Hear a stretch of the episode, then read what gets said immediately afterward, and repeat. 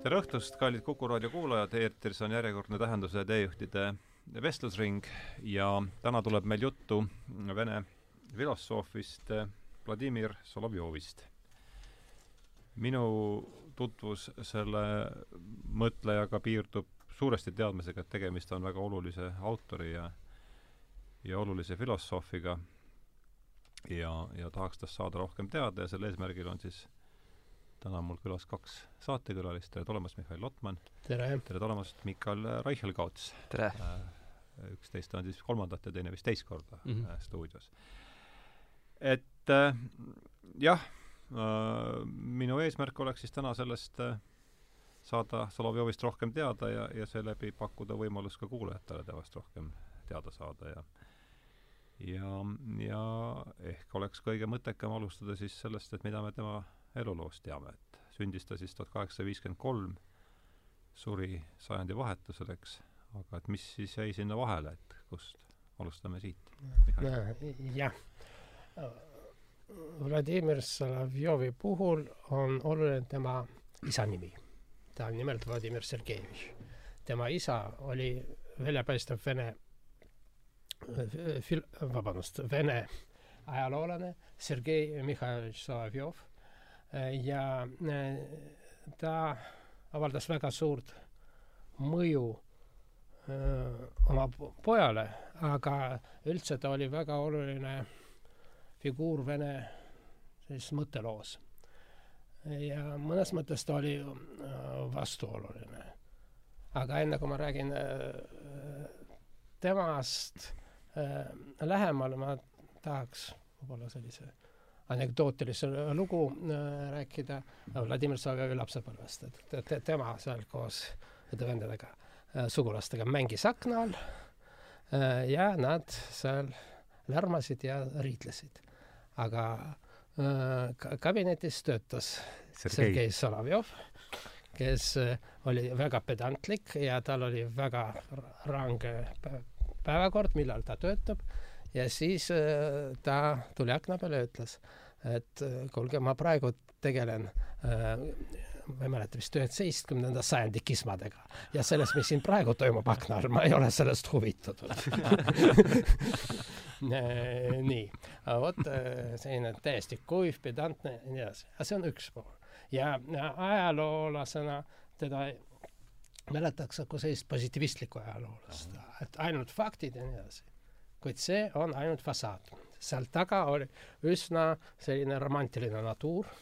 ta õppis ülikoolis ähm, ajalugu, aga see teda hästi ei rahuldanud äh,, kuna seal põhiliselt jutustati ümber Karamzini no kes oli see ajalooõpetaja, ka päris märkimisväärne inimene, Pagodin, kirjanik, publitsist ja nii edasi, ka ajaloolane no vot, aga äh, siiski ümber jutustas Karamzini Historia государства российского, Vene riigi ajalugu ja äh, see Sergei Solovjovi ei äh, rahuldanud ja ta äh, luges ja siis ka tutvus Johann Philipp Gustav von Eversiga, kes oli juhuslikult Tartu Ülikooli professor. Evers, jah? Äh, Evers, jaa. no Eesti lugeja tunneb teda äh, keisrihullu ta seal figureerib kui von Bocki üks äh, vestluskanslane äh,. no vot, aga Evers oli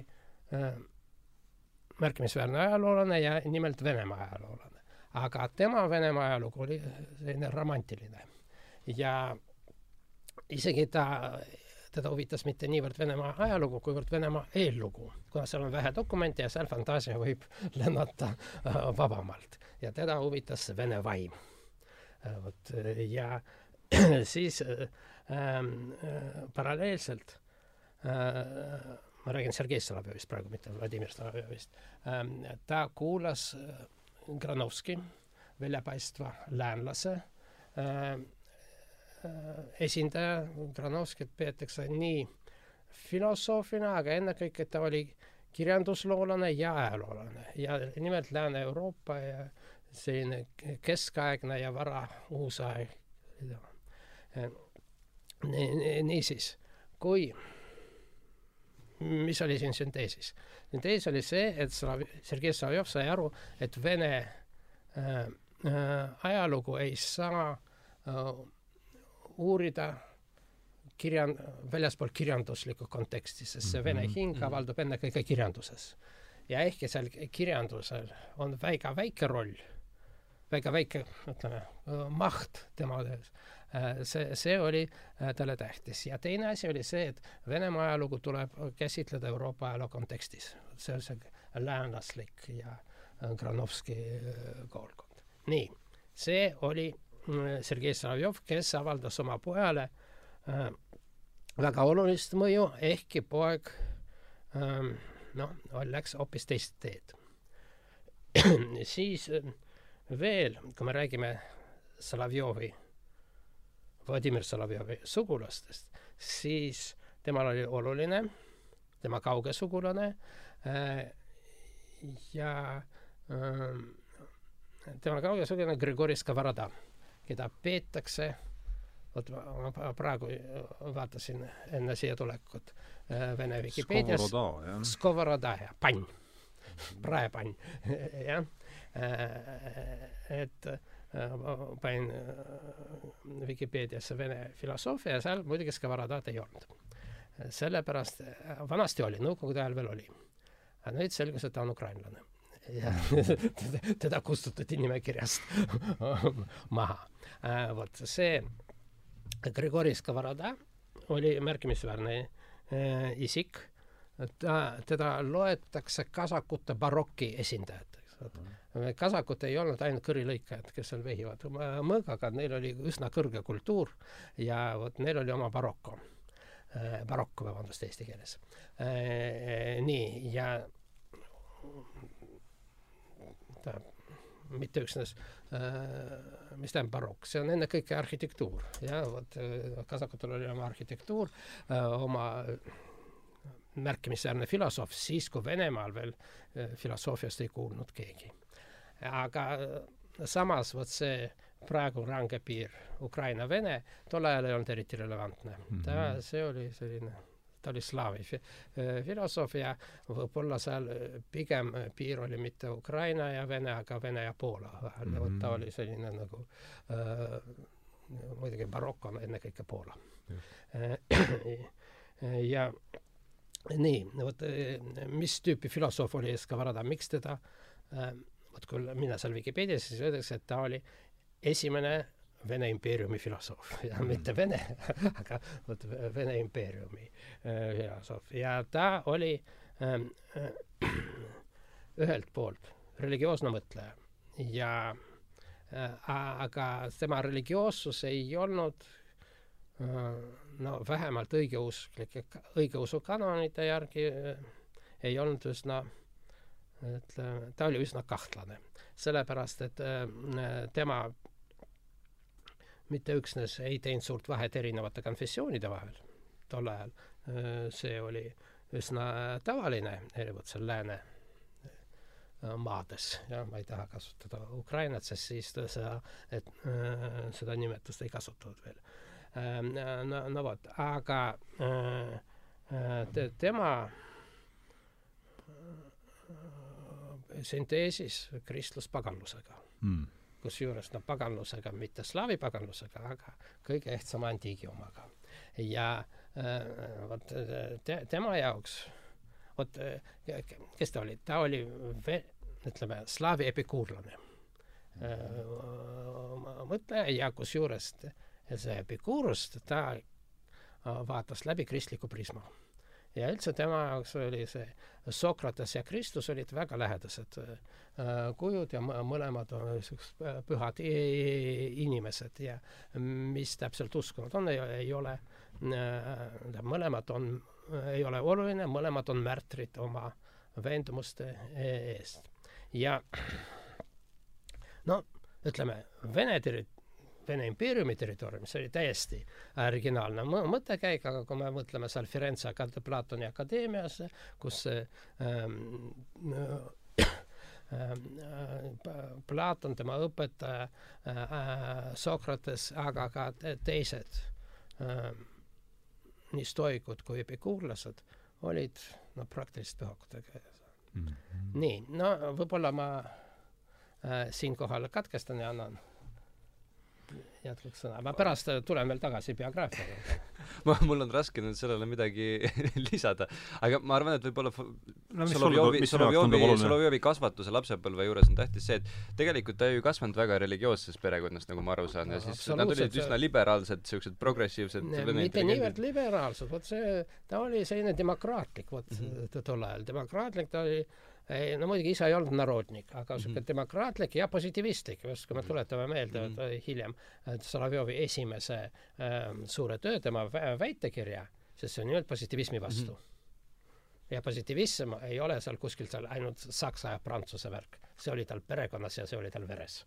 mm. -hmm kuigi noh, Solovjov ise äh, rääkis ka mingist oma lapsepõlvekogemusest, Sofiaga ta kohtus es-, esmakordselt üheksa-aastasena ja midagi, mingid sellised nagu müstilised aspektid olid seal juures, aga aga teiselt poolt äh, raske näha mingisugust süsteemset mõju, et kust, et, et keegi tema nagu sellisest lapsepõlve või, või no, või varajase nooruspõlve ümbruskonnast oleks teda nagu mingisuguse õigeusu filosoofia poole suunanud või, või, või nii mm. -hmm et eh, noh, jah, ma arvan, et tema, tema see ülikooliaegne kuidagi hüpe sealt positiivismist eh,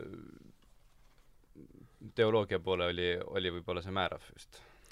no jaa, aga see hüpe oli suurel määral äh, seotud äh, sellise impeeriumi või siis ütleme, tsaristliku äh, hariduspoliitikaga äh,.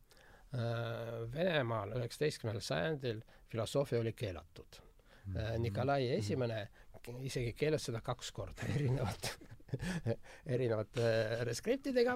Äh, vot see see on üldse huvitav vene asi. Et äh, Katariina teise ajal äh, peaaegu iga aasta tuli uus seadus või seadusandlus altkäemaksude vastu keelustamise kohta. kusjuures ei, vahepeal ei olnud ühtegi seadust, mis oleks altkäemaksu lubanud äh, see, see ei tähenda, et nüüd me sellega altkäemaksu võtmist lõpetame.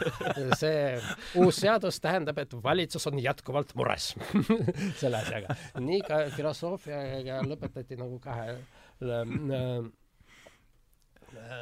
kahes, kahel etapil. Ja äh, no miks filosoofia äh, lõpetati, sellepärast et seal on igasugused ideed ja tulevad. Ja pealegi alates Paulust ja võib-olla juba Katariina teisest, nad said aru, et filosoofia on äh, nagu ühiskonnale ohtlik. Ja äh, Katariina nagu alustas seal flirtimisega äh, seal valgustajatega, oli kirjavahetus Voltaire'iga, Denis Diderot isegi uskus, et Venemaal on saanud see filosoofia ähm, riik, millest need valgustajad on unistanud ja isegi tuli laevaga Peterburi, tuli laeva pealt maha vaatas ringi ja astus aleva peale tagasi. Isegi kohtumata Kisrinnaga. Nii, et kuigi, kuigi vene, vene mõtete suhtes Katariina Teine vist ei olnud nii leebe, et Raditšev ei, ei lõpetanud kuigi hästi no, no, sellise ei, ühiskondliku mõtlemise pärast, et just nimelt, vot ja see siis Katariina sai aru, et see valgustajad, valgustus viib äh, revolutsioonini. Ja kui ta luges Raditševi reisi Peterburist Moskvasse, aga muide, Raditšev oli ka märkimisväärne mõtleja, vot see on, kas ta oli äh, päris filosoof, see on äh, probleem, aga igatahes ta leidis, et see on üleskutse revolutsiooniks mm. -hmm. mis võib-olla ei olnudki nii vale. mis ei olnudki nii vale võib-olla, jah. Äh, jah, nagu ja no Ra-, Ra-, Raditšev siis teadaolevalt kritiseeris äh, päris, päris orjandust ja mis, mis, mis oli ilmselt väga pikka aega kogu jah, okei okay,, mis, mis küsimus on nüüd, mis, millele ma pean vastama, et see, see, see, see, see, see, see kui räägime pärisorjust, siis see ei olnud päris nii.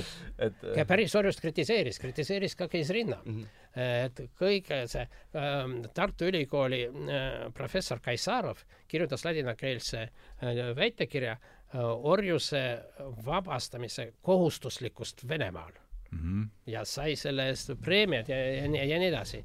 aga sellest jällegi see Venemaa värk, sellest tuli rääkida aga seda ei saa teostada. ei, mis küsimustesse puutub, siis me aga... oleme ikkagi Solovjovi selle mm, biograafia juures praegu niimoodi, vestleme. no räägime Vest... lapsepõlvest, jah. räägime lapsepõlvest ja ja see skeem, mille mina üles kirjutasin siin, tundub olevat võrdlemisi tüüpiline, ma nii vähe, kui ma jõudsin mm -hmm. ette valmistada, et et hakkab pihta õigeusust, no me saime siit mõlema järeldasime, et ta ei kasvanud küll üles liiga religioosses perekonnas, aga eks see õigeusu teema äh, Äh, kodust ta tuli kaasa, siis äh, kaldumine no, nihilismi. siin ma olen Mihkeliga nõus, et õigeusuga, ma jätkan sealt, kus ma jah, et see, see nihilistlik faas ikkagi tuli et oli äh, milles asi oli, et Äh, filosoofiat ei saanud ülikoolis õppida mm. -hmm.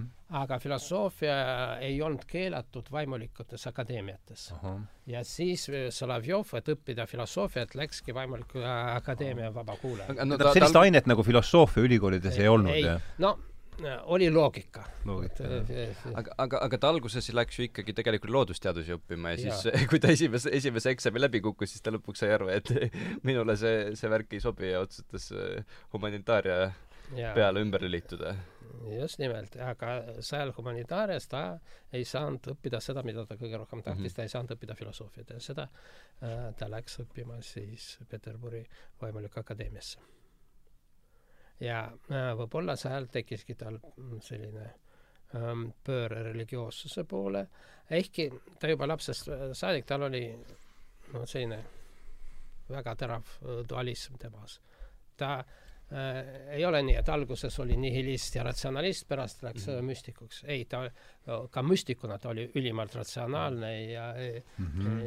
ja, ja ütleme, kogemusele avatud. aga selles suhtes, eks Solovjov rääkiski kogu aeg tegelikult materialismi tõest, eks ole, ta siis, kui tegelikult väga, mingis mõttes väga idealistlik filosoof, aga samal ajal ta kirjutas pikalt materialismi tõest, ta kirjutas isegi sotsialismi tõest ja, ja nii edasi, et kõik need sekulaarsed õpetused, mis tollel ajal Euroopas äh, äh, kuidagi mi-, mingisugust mõju omasid, ta tunnistas, et ka neil on mingisugune tõetera sees ja kogu tema filosoofiline projekt ju põhines sellele, et ta võtab välja selle kriitika, mis on õigustatud ning püüab sellele kuidagi vastata, et püüab sealt mingisuguse järgmise arengusammu ette võtta, et mis, mis te arvate no,? ja tema..., ja see on jah ta sa-, siis ütleme, hakkab kaela kandma kusagil, kusagil tuhande kaheksasaja seitsmenda aastate alguses, eks, et see on siis äh, pärisorjuse äh, ikkagi sellised vaba, ma saan aru, äh, siis on ikkagi veel niisugused vabamad tuuled puhul. see on Aleksander Teise aeg, eks ole, ilmselt kõige, kõige vabam üldse Vene, Vene impeeriumi ajaloos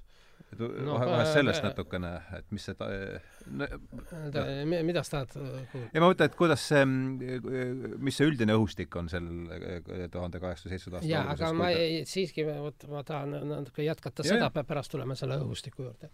et äh, Solovjovi filosoofiline projekt äh, äh, ja seda ta ka, ka nimetas, see on eesti keeles isegi raske see öelda, see on kõige kõiksuse äh, filosoofia vsejedinstva.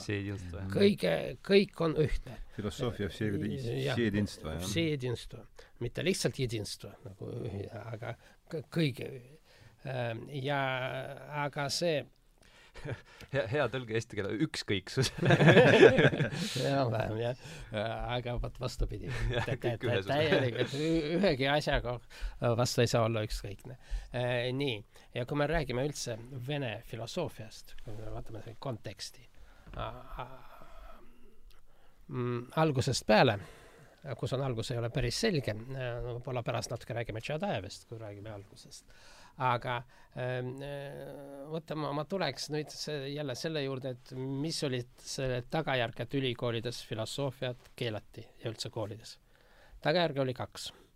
E, esiteks, see tekitas ühiskonnas väga suurt huvi filosoofia vastu mm. -hmm. ja teiseks, äh, filosoofiat loetigi sellise revolutsioonilise ja radikaalse pilguga mm. -hmm. seal ütleme, äh, Schelling ja Hegel Äh, äh,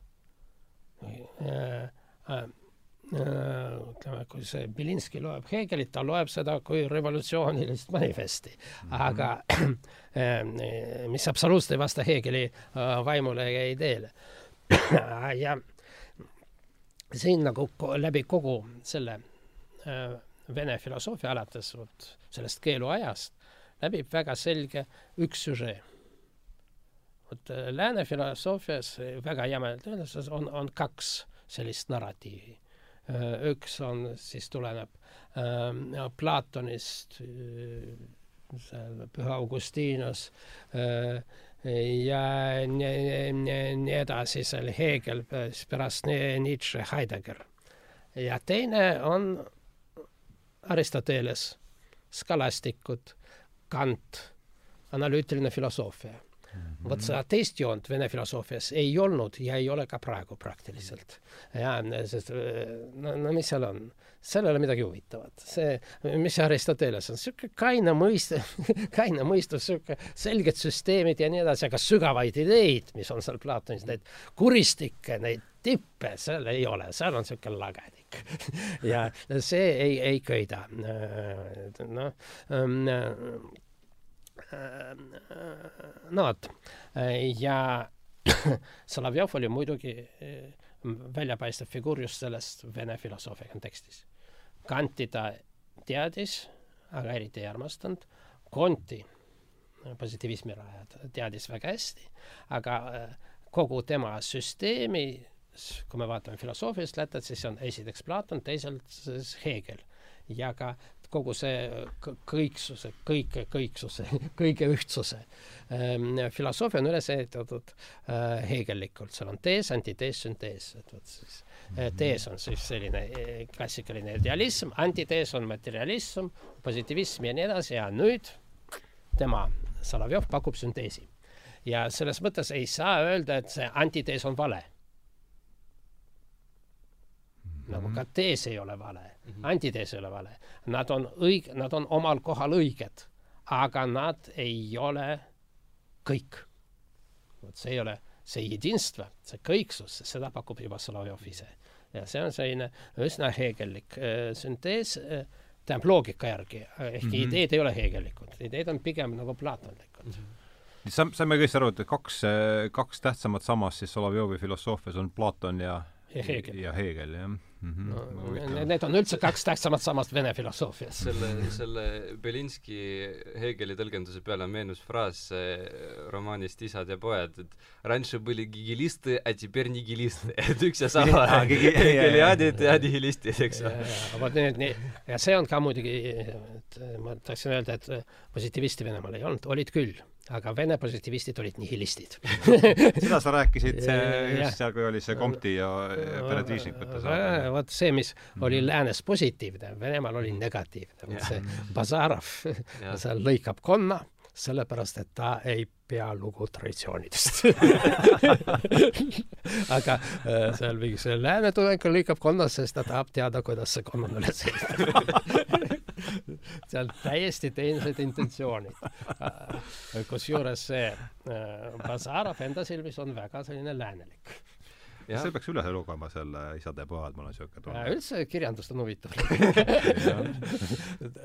nagu ütles Gogol, päris huvitavalt nad seal pajatavad ma mõtlen just praeguses olukorras Isad ja pojad oleks isad ja, no, jätkuvalt äh, isad ja pojad on üldse väga romaan igaks ajaks. selle ko-, ko-, kontiga, et tegelikult ju mm, tegelikult kogu filo-, kogu, kogu Solovjovi loeng, raamat Loengud Jumala inimsust al-, algab sellest, et äh, religiooni eirajad, nad ei eksi, sellepärast et see religioon, mida nad eiravad, ongi vale, eks ole, ja siis äh, selles äh, kriitikas ta tegelikult otsib tõetera ning sellest lähtuvalt ta siis püüab sõnastada, mis on õige, et mm -hmm. Äh, tõe, tõepoolest, siin on jällegi see, seesama printsiip, millest me juba rääkisime, see selline no ja üldse see ka, see, see Bogotšovečestvo, see mm -hmm. jumala inimlikkus, erinevalt see, see, see, see termin tuleb Dostojevskist.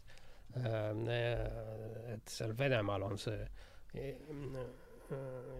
Bogotšovečstvo, jumala inimlikkus, aga läänes on Tšeka Bože Äh, vastupidi, et seal äh, inimlikkus äh, projitseeritakse nagu Feuerbachis projitseerib mm -hmm. seda inimlikkust Jumalale ja mis on vale.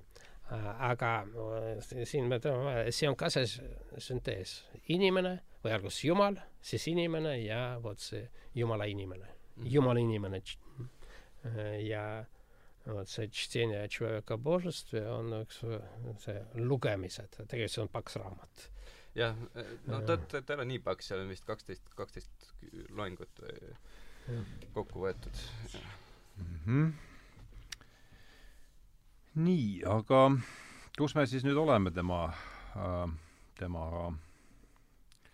vaimulikku, mis nüüd puudutab aja, äh, siis biograafiat, siis läks ta meil vaimuliku seminari, me oleme kuskil ja, ja akadeemias. vabandust, akadeemias, ja, ja, ja. vaimustab, valmistab ette külapreestreid. just, just, just, just, akadeemias, jah.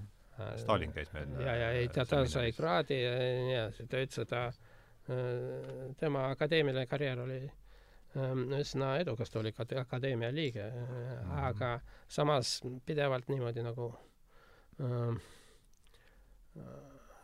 keelu piirimail mm -hmm. ja Äh, tal olid üsna keerulised äh, suhted äh, demokraatliku liikumisega, millega ta oli lapsepõlvest seotud, aga samas ta nägi seda valet, mis on seal nihilismis ja, mm -hmm. ja või ütleme, seda mittetäiuslikku tõde ja ta ei olnud kunagi radikaal. demokraatlikku liikumist Venemaal ei saa ju samastada nihilismiga, et selles suhtes need on mingisugused radikaalsed voolud olid nihilistlikud, aga no jaa, aga no põhi, no kes on demokraatiline liikumine Venemaal? Need on ennekõike seal Belinski, Tšernoševski, Pisarev, üsna radikaalsed inimesed ja, tähendab, muidugi teatud demokraatlikkus oli ka no ütleme, Granovskil ja sellistel läänlastel, aga siin on no, selline huvitav asi, et kui me räägime üheksateistkümnendat, nüüd räägime kontekstis mm, -hmm. siin me ei saa mainimata jätta äh, seda põhilist äh, antagonismi läänlaste ja slavofiilide vahel. no samas, kui me vaatame niisiis, ütleme, põhiteesid, et. Noh, slavofiilid arvasid, et äh, Venemaa on siis selline hea süntees lääne ja ida vahel mingis mõttes, et no ei, ei, see sealt, sealt nagu see, see sünnib see nagu lõplik tõde või, või, või kas ma, mis, mis, mis me valesti ütlen no,? ütleme nii, et, et äh, slavofiilia põhiline idee, et Venemaa ei ole millegagi sarnane mm. -hmm. talle Venemaad ei saa millegagi võrrelda ja vot äh, nagu alati Vene äh, kultuuris ja seda paremini väljendasid kirjanikud ja eriti luuletajad, vot see kuulus Tšutševi, et mõistusega Venemaad ei saa äh, mõista, üldise mõõdupuuga ei saa, seda ei mõõda, et Venemaal on täiesti oma selline olemus, Venemaasse võib ainult uskuda. Умом Россию не понять, аршином общим не измерить, у ней особенная стать, в Россию можно только верить. see on Tютšev? see on Tютšev mm. -hmm. Tютšev äh, äh, diplomaat, luuletaja äh,, sihuke veendunud slavofiil, aga nagu paljud slavofiilid, ta elas enamasti välismaal ja seal on nagu oh, parem ideaalsest Venemaast. et nii, vot, et Venemaa on väljaspool äh, võrdlusi. ja siis veel oli väga oluline äh, neil äh, selline filosofee, mis puudutab Vene ja võimu vahekorda. Et venelased ja vene vaim ei ole võimuvaim, venelased ei ole riiklik rahvas. See on slavofiilide see on slavofiilide, see no ütleme, kes on need slavofiilid, see on Homikov, Kirjevski ja need slavofiilide äh, raja, rajajad äh,. Et äh, kust tuli riiklus? riiklus tuli äh, Skandinaaviast mm. -hmm. Need Rüürik ja need ja, ja äh, kes on, kes meid praegu valitses? Romanovid, puhtad sakslased mm. -hmm. ja Romanov muide, muide olidki puhtad sakslased äh,. nii, äh, no vot aga sellest nad tegid järelduse, mitte, absoluutselt mitte revolutsioonilise, et nüüd me seda võõrvõimu kukutame, vastupidi. et on mingisugune sõnastamata ja rääkimata siis kirjutamata vaikiv kokkulepe, võim tegeleb oma asjadega, rahvas tegeleb oma asjadega ja nad ei sekku teineteisesse. ja mis muidugi ähm, äh, võim seda ei, niimoodi ei arvanud ja äh, vot kui me praegu arvame, et seal läänlased olid pigem opositsioonilised, aga slavafiilid olid äh, ütleme, mingid šovinistlikud ja nii edasi, siis äh, võim suhtus slavafiilidesse halvemini kui läänlastele. ja ütleme, Romanovid ise peale Aleksander Kolmandat ja võib-olla Nikolai teist, aga enne kõik romaanid olid puhta läänlased, et Venemaa on Euroopa mm, tsivilisatsiooni üks osa. Äh,. aga nüüd, kui me tuleme selle äh, algusesse, kus see slavafiilid ja läänlased no,, need, neil on sama läte. Ja see on Pjotor Jakovletš Jadajev, kes kirjutas oma filosoofilised kirjad ja Tšadajevit võiks ka nimetada esimeseks vene filosoofiks. ütleme palun Tšadajevi eluaastad ka umbes, millal ta no ta oli paar aastat Puškinist vanem. Puškinist vanem, jah äh,. ei, mitte paar aastat, ta oli ikka Napoleoni sõja äh, osaleja, ta tuhat seitsesada üheksakümmend neli kuni tuhat kaheksasada viiskümmend kuus nii. teda, teda ilmselt rohkem tuntaksegi selle Puškini luuletuse järgi, see no ja veel ta oli keisrihull, äh, kõige kuulsam. Äh, mitte von Bock oli kuulus keisrihull, aga nimelt Tšadajev. tal oligi vist raamat Zapiski summašetševa, eks ju? ei, Apoloogia summašetševa. Apoloogia summašetševa. nii et see, ta kirjutas filosoofilised kirjad, kaheksa tükki või üheksa, see on täpselt ei ole teada mm avaldas esimese äh, ajakirjas, tulemused olid suurepärased. Mm, -hmm. ajakiri pandi kinni. Nii, nii, äh, see toimetaja pandi vangi, Tšadajev kuulutati hulluks nii, aga tema põhitees oli see, et Venemaa kukkus ajaloost välja.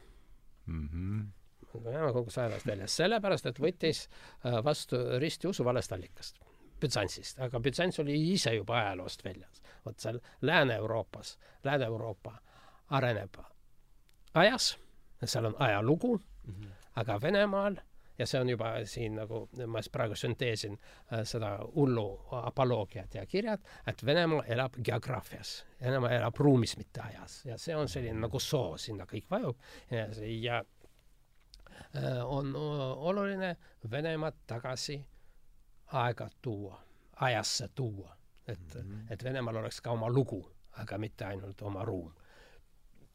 ja äh, siin, siin oli tal päris huvitav selline mõttekäik, et läänes on vähe ruumi. idas. Tšadajev, jah. aga idas on tohutu ruum.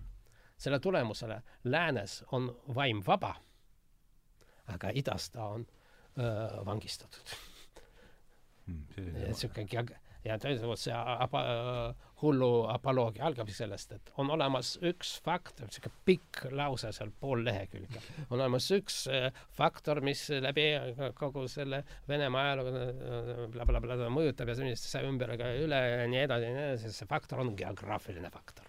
vot aga tuleb mhm. minna üle selle ajalukku ja e, siin, see on juba väga lähedane idee Solovjovile, tuleb sünteesida või taasühineda Lääne kirikuga mm. -hmm. nii, no vot, ja siin võikski jällegi öelda, et see äh, mm -hmm.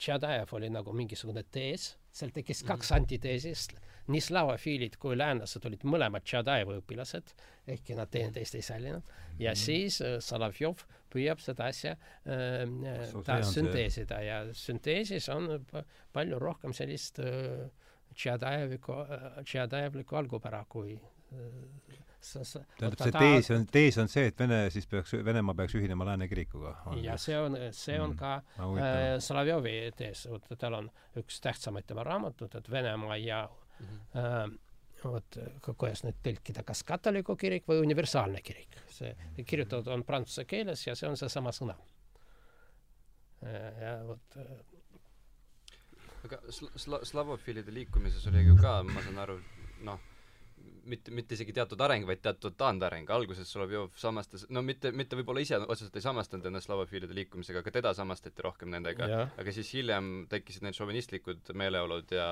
selline äh, äh noh, ütleme labane vene natsionalism ning no ma ei ütleks, et nii väga labane, need väga haritud inimesed kõik, kellega ähm, no vot, kellega see no, hilisemalt see, see Strahov.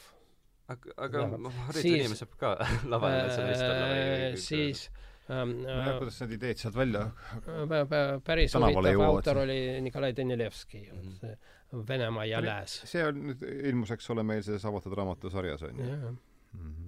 Danilevski mm. Nikolai Danilevski, need, need on erinevad, üks on mm kirjanik Danilevski, aga see on loodusteadlane. Tema... loodusteadlane ja see, selline filosoof. ja muide, vot see, see Danilevski, äh, ta oli Bääri õpilane. ja tema raamatus äh, on mõned üsna krõbedad sõnad Ähm, äh, nende lääne-soome ugrilaste kohta ja ma äh, kujutan, äh, mul on selline, selline paha kahtlus, et ta, ta ise neid ei uurinud, aga kuulas, mida Bär rääkis. jah, ma just, et ju ta Bääri käest kuulis. jah, aga no ta oli bioloog, geograaf, osales koos Bääriga seal tema ekspeditsioonides Siberis. ja vot ja tema tuli siis pigem slavofiilide reili. jaa, ta oli see, see on nimelt nii hilisslavofiil mm, -hmm. Ehm, ja vot nende vastu, nendega äh, Solovjov üsna um, kurjalt polemiseeris ja mm -hmm. see, see on täiesti õige. ma ei tea, kas nad on labased, no Nad ei, siiski ei olnud labased. ei no selles suhtes, et üks asi on, on konkreetselt võib-olla Strahhov ja Danilevski, teine asi on äh, mingisugune liikumine, mis nende ja, ümber käib ja kogu, kõik, mis, mida avaldatakse ajakirjanduses, et olla ja, ja, ja vot see on, see on see vahe, et see on juba Aleksander Kolmanda aeg. jah ja see, see sa, sa millal see, mis seal see pihta hakkab, et ma saan, ma saaks mis oma... Aleksandri kolmanda ajal? hakkab venestamine. ei, aga millal see pihta, tuhat kaheksasada kaheksakümmend midagi? kaheksakümmend üks tapeti ära keiser Aleksander.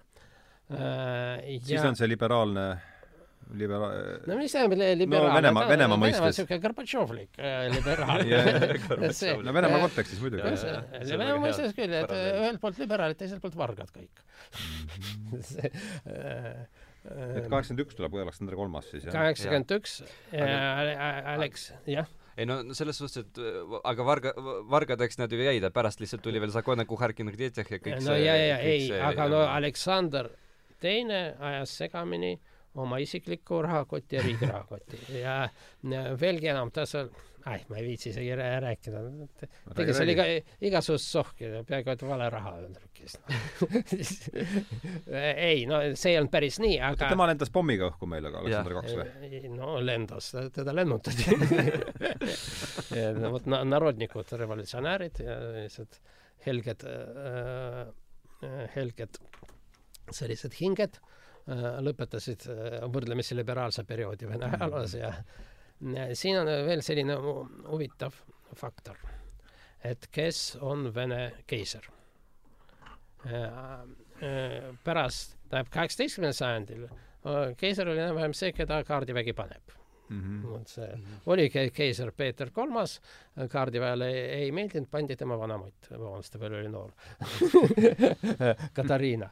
no ta mõlemad äh, puhtad sakslased, aga Katariina vot juba sai sellist äh, saksa äh, rahvuslust, kui mitte öelda šovinismi, ta kandis üle Venemaa ja tema mm, -hmm. vot see vene natsionalism tegelikult algab Katariina teisest mm. -hmm kus, kui no vot selline äh, saksa rahvusluse äh, transplantatsioon. ahah, väga huvitav. Äh, no, no, no vot, aga mm, niisiis, Aleksander Teine äh,, nii äh,, aga siis oli selline jama nagu dekabristide ülestõus äh,. et see suurel määral algas äh, või selle äh, no dekabristide liikumine oli, tal olid sügavad juured ja ta oli ka äh, äh, hästi arenenud, aga vot äkki suri keiser Aleksander Esimene ka üsna liberaal ja ka selline suli. noh, per-, oma elu lõpus ta oli ikkagi juba re-, reaktsioon-, reaktsionääriks hakka-, hakanud no,, et ei... Araktšejev, Araktšejev tuli ja siis oli, oli korra muutus ja siis no Araktšejev oli kogu aeg, Araktšejev oli juba Speranski oli ju enne Araktšejevit, vot siis ta oli ei, ei, ei, nad olid erinevad asjad uh,. Araktšejev oli juba Paul Esimesel ta oot, millest me nüüd räägime, ma siin ja nii, vaata, me räägime liberaalsetest ja, ja ütleme, mitteliberaalsetest valitsejatest mm. Äh, -hmm. ja Aleksander Esimene on meil nüüd siis äh, suri kakskümmend viis. kakskümmend viis, ja jah. siis hakkas äh, dekabristide ülestõus, sellepärast et ja siis tuli Nikolai reeglite järgi pidi olema Konstantin järgmine poeg. mm. -hmm. aga äh, see seda ei teatud, et äh, Konstantin loobus äh, sellest, kuna ta äh, abielus niinimetatud morgaanilise abielu, Mm -hmm. mis ei olnud äh, dünastilistel põhjustel äh, lubatud, siis tema oli, vot, otsustas, et armastus on tähtsam kui, kui kroon. no ta tahtis, seal oli vahepealne variant, ta tahtis Poola kuningaks saada. aga mm -hmm. nii, no vot, ja ja kuna ta loobus, siis ähm, tuli järgmine vend, Nikolai Esimene, kes erinevalt Aleksandrist ei olnud ette valmistatud äh, selleks äh, keisri rolliks. Ja ta ise ehmatas ära alguses. Ja veel äh, selline kingitus talle äh, nagu dekabristide ülestõus. Mhm. ja, no vot ja siis ta valmistas väga hästi ette oma pärija Aleksander Teise, tal olid väga head õppejõud ja, ja Aleksander oli tõesti väga noh, ütleme liberaalne, see on ühelt poolt, aga teiselt poolt ta oli hästi haritud inimene mm. -hmm. ja samamoodi ta äh, väga hästi äh,, väga hoolitses oma pärja. ja pärja tal oli loomulikult Nikolai. Aleksandr Nikolai, Aleksandr Nikolai mm. -hmm. äh, nii, ja vot see äh, keiser pidi olema äh, Nikolai Aleksandrovitš. aga Nikolai Aleksandrovitš seal kukkus hobusest äh, ja äh, sai seal mingit tõsist ja suri ja siis pidi troonile astuma Aleksander kolmas, kolmas siis. Jah. kes, kes oli ise õuduses ja kõik olid õuduses, Saša, ta on ju, ratsaväe. ta, ta, ta on ju natuke noh, see pi- pi- piiratud i- i- inimene ja, ja siis tal ei olnud ta ei olnud üldse ette valmistatud ja tema õpetaja oli mingisugune provintsiaalne kooliõpetaja Bebedonossov, selline, kellest sai äh, Venemaa, noh, ütleme, teine inimene Bebedonossovist ja see äh, Siis- Alek-, Aleksandri kolmanda reliks- reaktsioonilise äh, perioodi nagu sümboliks oligi Bebedonossov.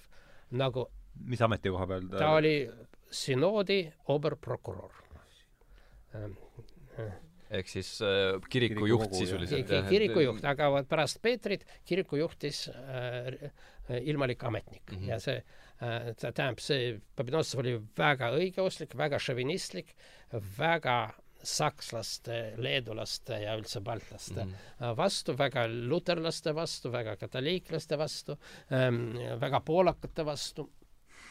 et äh, Vene impeerium äh, peab olema selline ühtne ja õigeusklik huvitaval kombel need eh, islamisse suhtus ta palju eh, tolerantsemalt mm. pealegi see oleks väga ohtlik seal õigeusu nendes eh, eh, Taga-Kaukaasias ja mm, ütleme Kaukaasias, Taga-Kaukaasias juba Armeenia ja Gruusia, mis olidki enam-vähem äh, kristlikud äh,. no vot, ja siis äh, vot äh, hakkas see šovinistlik periood, venestamisperiood ka Eestis äh, ja äh, siis vot need slavofiilid olid hoopis teises staatuses, kui nad olid äh, Aleksander teise ajal või isegi nii võrreldes Nikolai äh, esimese ajaga. ja äh, see oli Solovjovile täiesti vastuvõetamatu. mm. Aleksander Kolmandaga, teda kujutatakse tihtipeale selliste suurte saabastega ja väidetavalt ta siis äh, peitis nendes saabastes äh, viina oma naise eest ära, et aga äh, jah, selles suhtes, et Solovjov, Kirjevski ja Homjakov olid ju tema jaoks tegelikult väga suured mõjutajad ja tähtsad nagu filosoofilised allikad, aga just mulle tundub, et see seltskond ja nende võimuletulek, slavofiilide võimule, mit- noh, okei okay,, mitte slavofiilide võimuletulek, aga see, et nüüd järsku nad olid äh,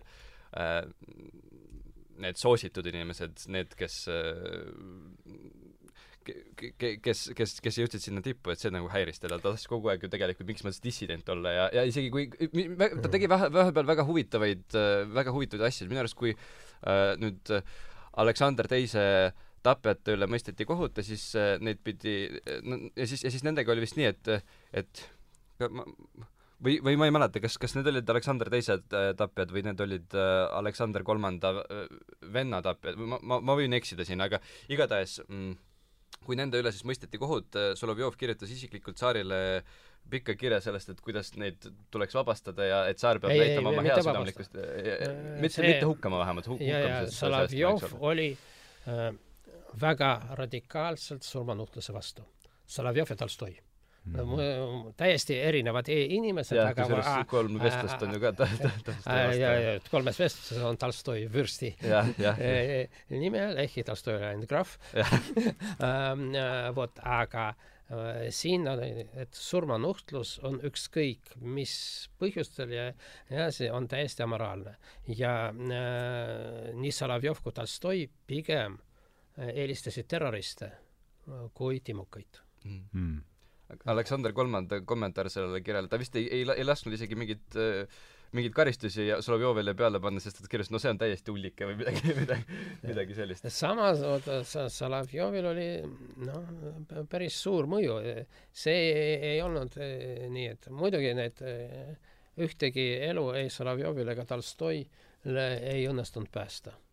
aga äh, ühiskond ja suurel määral ka nimelt vot Solovjovi ja Tolstoi mõjul oli väga surmanuhtluse vastu ja see äh, ükskõik mi- milliste kuritegude vastu ja mm, siin on veel selline asi, vot Aleksander teise reforme tavaliselt seostatakse ennekõike vot talupoegade vabastamisega ja nii edasi mm, Mhm, -hmm. kuid see ei olnud muidugi. kaugeltki kõik. väga oluline oli kohtureform ja van- Semst-, Semstod ja kõik, kogu see värk ei no, no jaa, aga ma räägin praegu kohtust. ja, ja, see on ta vandekohtu ja, sissetoomine ja, ja, ja vandekohtu, kohus väga mitmel korral äh, mõistis õigeks terroriste.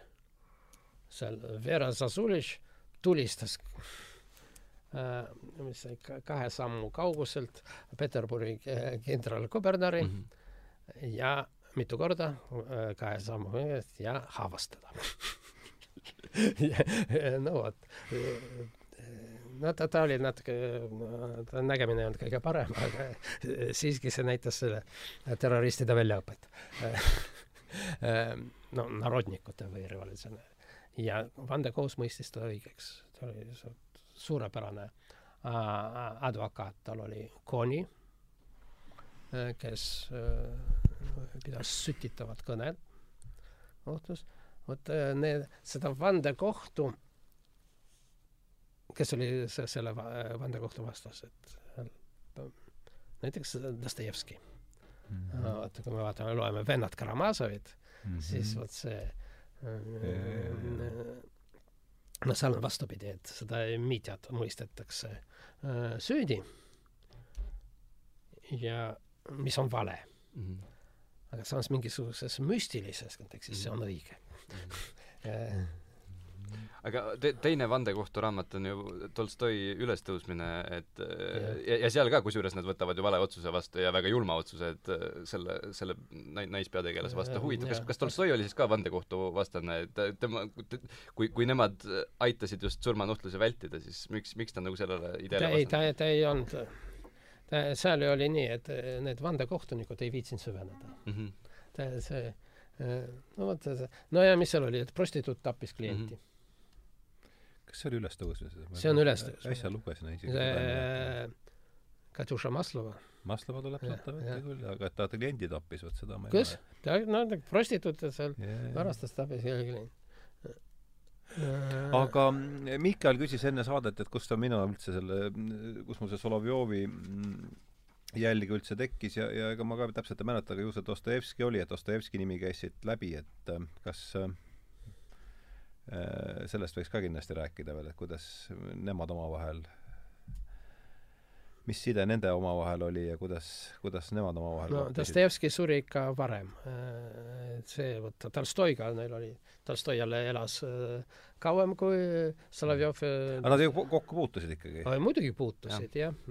ja, ja tegelikult Dostojevski oli ka surmanuhtluse vastane et see ehkki vot seal Tolstoi ja Dostojevski täiesti vastane, et jah, aga ta vot ja Dostojevski niimoodi väga jamalt töötas reaktsionäär, aga vot su surmanuhtlustega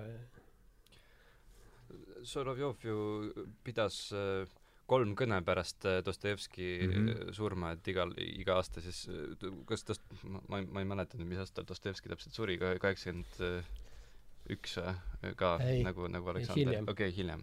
no igatahes, ma ei, ei, ei oma võib-olla nii, nii suurt tähtsust praegu, aga, aga ta kolm aastat siis pidas äh, igal aastal ühe kõne Dostojevski kohta ja sealt ta nagu võttis mingisugused tema põhilised ideed ning arendas need edasi ja tegelikult mm, kolm kõnet Dostojevskist. ei, õige, kaheksakümmend üks, jah. jah, kaheksakümmend üks on siis õige.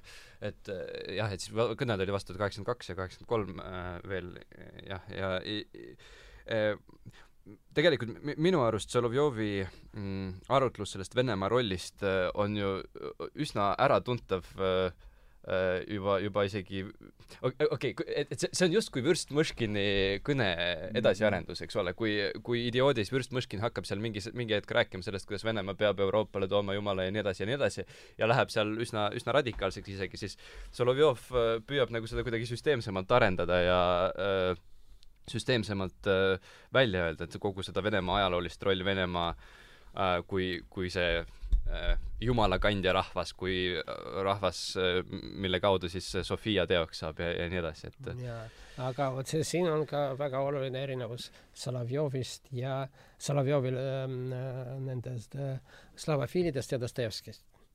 Dostojevski püüdis seda Kristuse ideed ikkagi sellest rahva mingisugusest ideaalist mm -hmm et vene rahvas on jumala kandev rahvas mm. -hmm et äh, see oli Solovjovile täiesti vastuvõetamatu ja tema ütles, et ei ole oluline, mida vene rahvas mõtleb jumalast mm. -hmm on oluline see, mida Jumal mõtleb vene rahvast. -hmm. No, jah, vot, et, et tuleb aru saada, mis on äh, selle rahva funktsioon sellises jumalikus kontekstis, aga mitte seal, ütleme, territoriaalselt mm. -hmm. seda, seda, seda kindlasti ja ma arvan, et see noh, on ju see vene jumala idee, russki boh, eks ole, ma arvan, et see oli Solovjovile täiesti vastukarva, seda ta, ta poleks nagu saanud aktsepteerida. jaa, no see, kui me vaatame seda väljendit russki boh, Vene jumala selle ähm, päritolu ja ajalugu, siis see oli algusest peale selline satiiriline.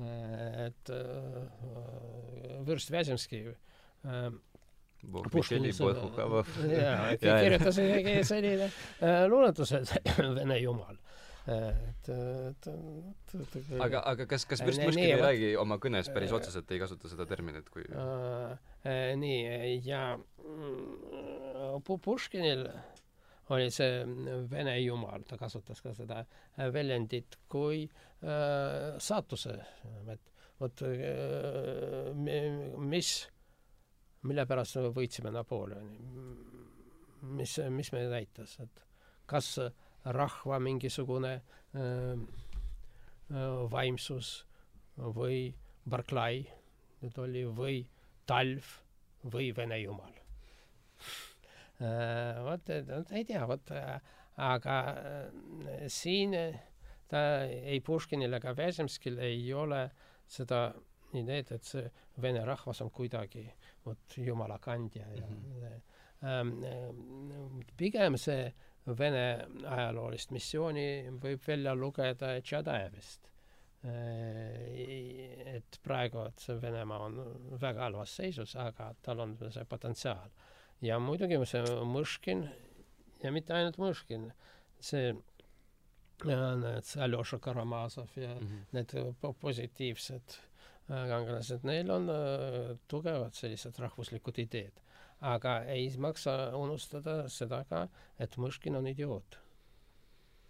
et eh, see, nii et see Dostojevskil ei ole niimoodi, et Mõškin nüüd väljendab Dostojevski mm. -hmm samas me peame ütlema, et Mõškini ideed olid palju huvitavam kui Dostojevski ideed see, no me teame, et see Dostojevski romaane väljapaistev kirjandusteadlane ja ütleme, selline põrandaalane filosoof Mihhail Bahtin nimetab polüfooniliseks, et seal, et need on romaanid, kus äh, põhitegelased ei äh,, ei ole personaažid, aga hääled. ja vot seal mm, -hmm. kui me võtame seal vennad Karamazovit, siis seal on nagu eri, erinevad hääled, peaaegu et pühak Zassima mm. -hmm. ta ei ole päris pühak, esiteks tal oli üsna äh, kirglik noorepõlve ja teiseks vot äh, selline äh, asi, et Dostojevskil on väga oluline selline duaalsus, ühelt poolt on selline jumalik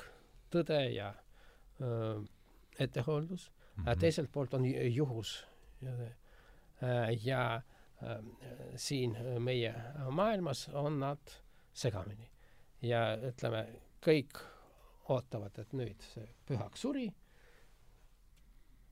ja see pühadus väljendub ranges loogikas ja nii edasi mm, -hmm. aga see juhus väljendub skandaalis. nagu see pühak suri, tekkis skandaal, pühak läks haisema mm. -hmm. selle asemel, et tema säilmed äh, selle äh, mingisugust arooma äh,. nii, või siis äh, kolm venda Dmitri, kirgede mees, äh, kirgede inimene, see Schilleri röövlid mm. ja ka romantik. jah, joodik, kakleja, märatseja ja, ja isegi ta ei ole tapnud isa, aga niimoodi oleks võinud ja, ja äh, vot tema siis antitees, selline äh, ratsionalistlik, üliratsionalistlik, nii ratsionaalne, et läheb hulluks sellest ratsionaalsusest. Ivan, ja siis äh, Aljoša, kes ütleb, et ta saab aru, et temas on nii äh, Dmitri kui Ivani. Ja ta äh, vot nii, et ükski hääl iseenesest ei too tõtt, aga tõde toob äh, see polüfooniline, see kontrapunkt, aga äh, ma kohe lõpetan. Yeah.. aga Dostojevski ei olnud ainult kirjanik, ta oli ka publitsist ja tema publitsistika on, noh, kui me võrdleme tema romaanidega, siis ta on mingi karikatuurne tegelane omaenda romaanidest. seda sa oled rääkinud varem ka, jah, see tundub väga usutav. kusjuures aga ah, jah, ja räägi ka nendest nüüd kolmest kõnest, et mis ta Dostojevskist pidas, et on sul sealt või on sul sealt midagi meeles, mis on nagu äh, vääriks ma, no ma, ma arvan, et, et võib-olla kogu see üldine tonaalsus või, või kogu see et, et see Venemaa, Venemaa ajaloolise rolli idee tuleb sealt nendest kõnedest välja ja see, et Solovjov no selle, selles suhtes, et, et minu, mulle tundub, et ta Dostojevski nendes kõnedes arendas ikkagi oma mõtteid ja mitte niivõrd, niivõrd Dostojevski enda ideid, et tähendab Solovjov? jah. et Sol-, Sol-, Sol-, Solovjovi jaoks ikkagi äh,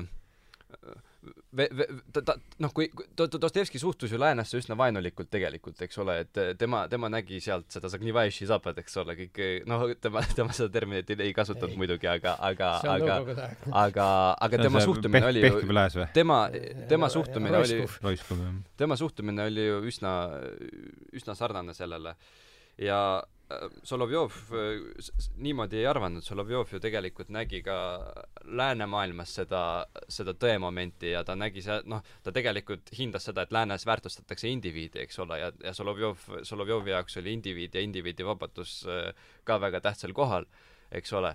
Venemaa oli tema jaoks justkui see süntees, mis ühelt poolt suudab ühendada äh,, mis, mis ühendab endas siis seda usku mingisse absoluuti, eks ole, Äh, seda, seda nii-öelda idamaist äh, võimet äh, näha mingisugust absoluutset tõde ja sellele all, all, alluda ja teiselt poolt on ka nagu mingis mõttes noh, piisavalt euroopalik, et, et sealt saab, seal saab ka indiviid kuidagi vabaks, ehkki praktikas vist, praktikas vist Solovjovi see nägemus ei, ei, ei, ei, ei saanud, ei saanud äh, Äh, ei läinud ellu, aga, aga just sealt noh, Dostojevski kõnedest mul tundub, mulle tundub, et, et, et, et selline nägemus Venemaast hakkab no jaa, no vot nagu see on, see on see jällegi selline triaadilisus, ühelt mm -hmm. poolt selline äh, idamaine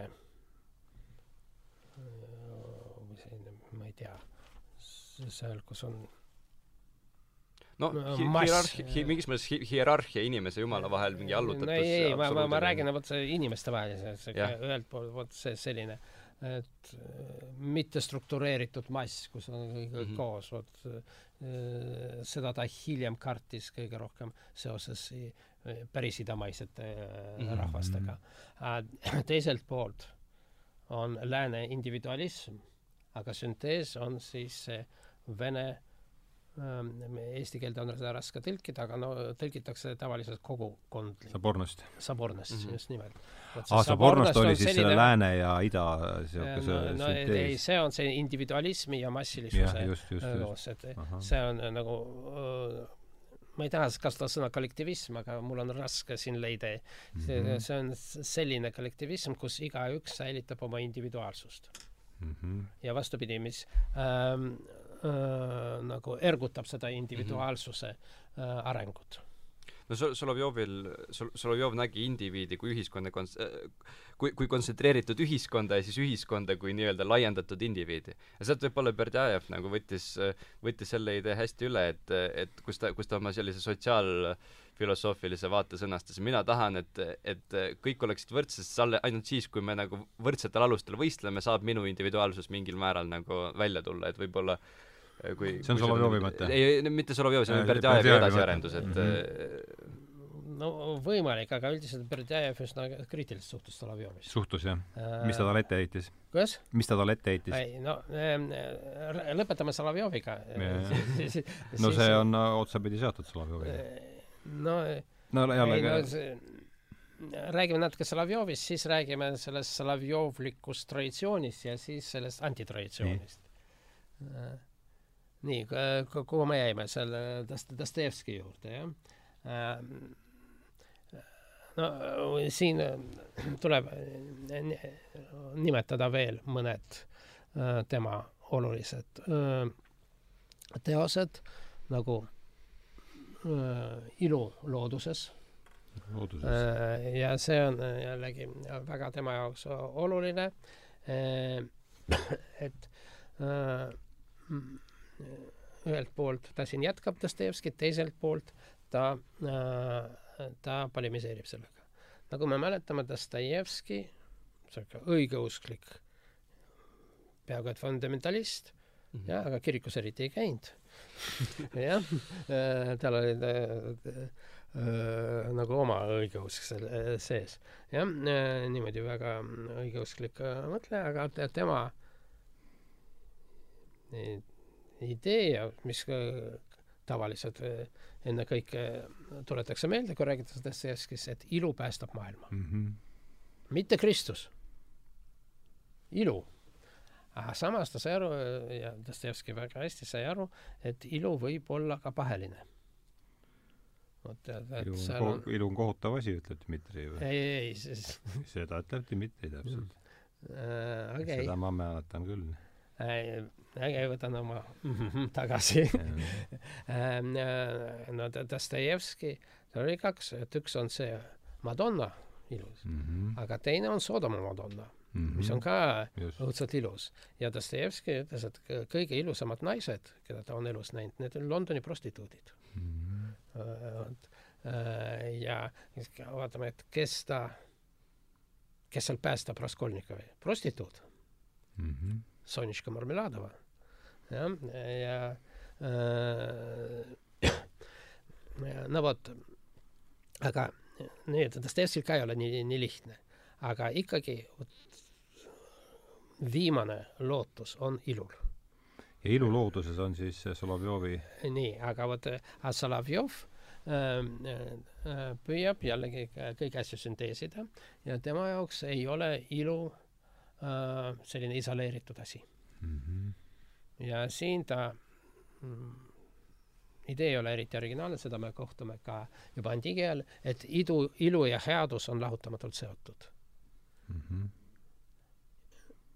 ja ta lisab siin omalt poolt veel äh, no seda no, ka platonlik idee või? Ja no enam-vähem ja niimoodi, et Platoni tõlgendus mm. -hmm. ja veel kolmas on väga, on see tõde mm. -hmm. et tõde on ilus ja tõde on hea.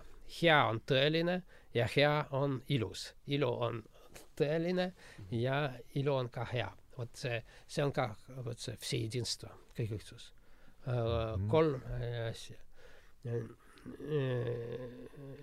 nii.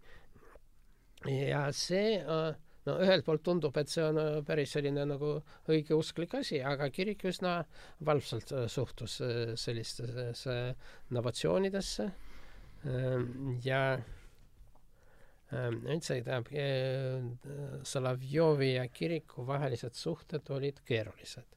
ehkki ta, no isegi seal mm, on vaidlus, kas ta oli vahepeal katoliiklane või mitte. igatahes on teada, et ta võttis katoliku kirikus Sloveenias ähm, osales äh, missas, võttis armulauda, mis õigeusu kanonite järgi on väga halb mm.. katoliiklikute kanonite järgi on okei okay,, kui sa võtad õigeusu selles.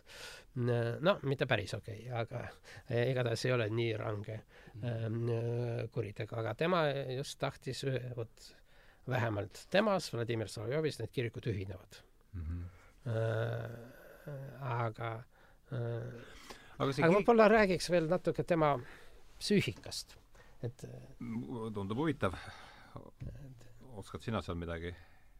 ma, ma otseselt tema psüühikast ei oska öelda, aga selles suhtes ta oli ikkagi väga äh, ekstsentriilise käitumisega ja Jevgeni Trubetskoi kirjutab temast, et äh, Jevgeni Trubetskoi oli Solovjovi õpilane, vot kui me räägime äh, Solovjovlasest, siis on äh, Jevgeni äh,, need tru-, mitu Trubetskoid olid tema õpilased. et, et esiteks, et äh, Solovjov ei suutnud absoluutselt rahaga läbi käia, ta oli nii altruistlik, et ta kogu aeg, et iga kord, kui ta jalutama läks, ta kõik, kõik, kõik, raha, mis tal rahakotis oli, oli, jagas laiali ja tihtipeale inimesed tulid tema juurde küsima ja ta võis isegi oma nagu mingisuguse viim-, viimase nii-öelda mantli seljast ära võtta ja ära anda, et noh, et ma ei tea, kui palju siin tõde ja kui palju mütoloogiat, aga ilmselt mingisugune alus sellel jutul on. on küll ja no, ta, ta järgis evangeeliumi. jah, just, ja, ja siis Solovjov oli üldiselt taimetoitlane, ta tihtipeale jättis isegi mingisuguse lõunad, lõunaid söömata selleks, et annetada seda lõunaraha mingile, mingile inimesele, kes oli siis parajasti äh,, kes, kes kannatas parajasti siis äh, rahapuuduse all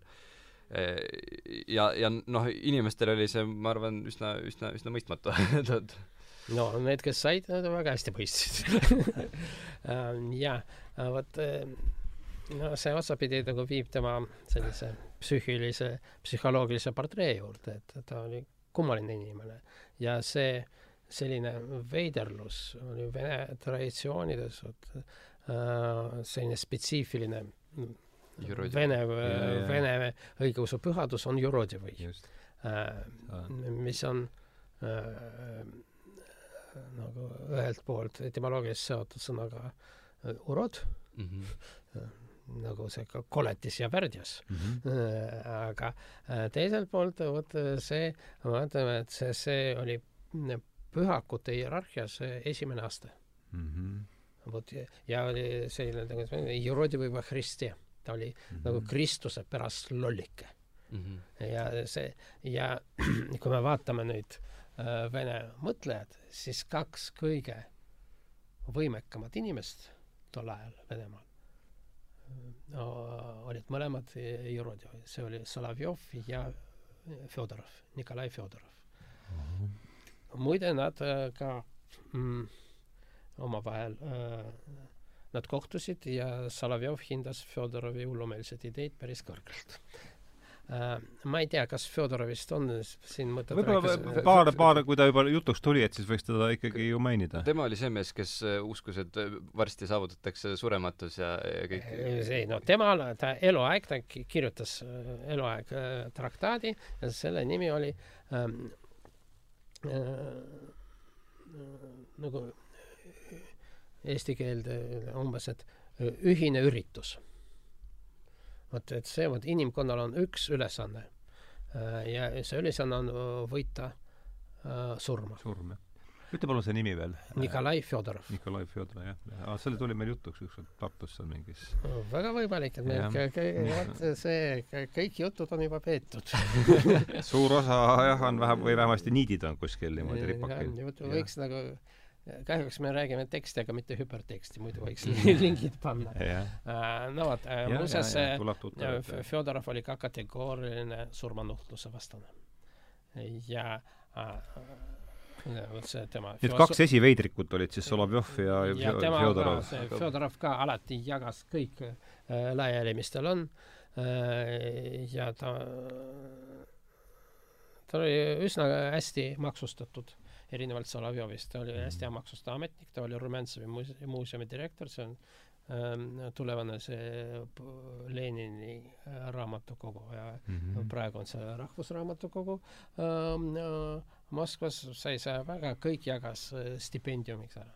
aga vot erinevalt Solovjovist tal oli ütleme, selline seksuaalsed eelistused, ta jagas ainult noormeestele Mhm. Äh, ehkki äh, oli, erinevalt äh, Solovjovist oli täiesti aseksuaalne askeet. no vot, aga no kui me rääkisime juba seksuaalsusest, siis Solovjov oli ka poissmees, aga ta, tal oli mitu sellist armastuslugu ja ta oli äh, väga selgelt seksuaalselt helistas naisi. Ja tal oli ju So- Sofia oli päriselt ka. See Sofia, aga vot seal tead, iga naine on mingil määral vot see äh, jumaliku naiselikkuse äh, kehastus ja ta äh, no see, selles mõttes ta ei olnud üldse selline juruudi või aga no jällegi perekonda ei olnud. Ja vot kogu oma elu ta pühendas oma filosoofiale ja ja elu ei jätkunud tal ju väga pikaks üldse, ta ei jäänud, jaa, alla viiekümneselt. tema veidrus äh, ka, tema veidrusega on seotud ka tema surm. aga äh, veel enne ma pean ütlema seda, et ta ei olnud üksnes äh, filosoof ja teoloog, aga ta oli ka kirjanik ja luuletaja. täiesti märkimisväärne ähm, luuletaja ja tema õpilased olid ühelt poolt need äh, sofioloogid äh,, muuseas me Sofiast ei ole peaaegu üldse jah, sellest võiks äh, kindlasti ja, rääkida. ja, ja teiselt poolt vene sümbolistid, nagu äh, ennekõike Aleksander Blok.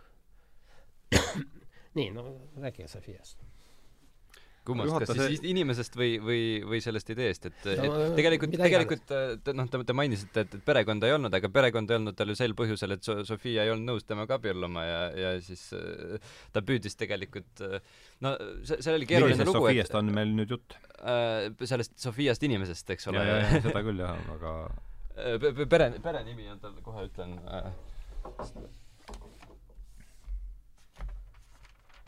perenimi oli tal äh, Hi- Hi- Hitrova. Hitrovo. Hitrova, jah. ja tema, tema oli siis äh, rikas äh, mõisaproua, aga tema oli juba abielus ja ta ei olnud nõus oma abielu lahutama Solovjovi pärast siis, ehkki kuidagi vist see isegi tehniliselt oli võimalik. ma just tahtsin küsida, kas see oli üldse tehniliselt, Oli väga, võima- väga raskelt, aga oli.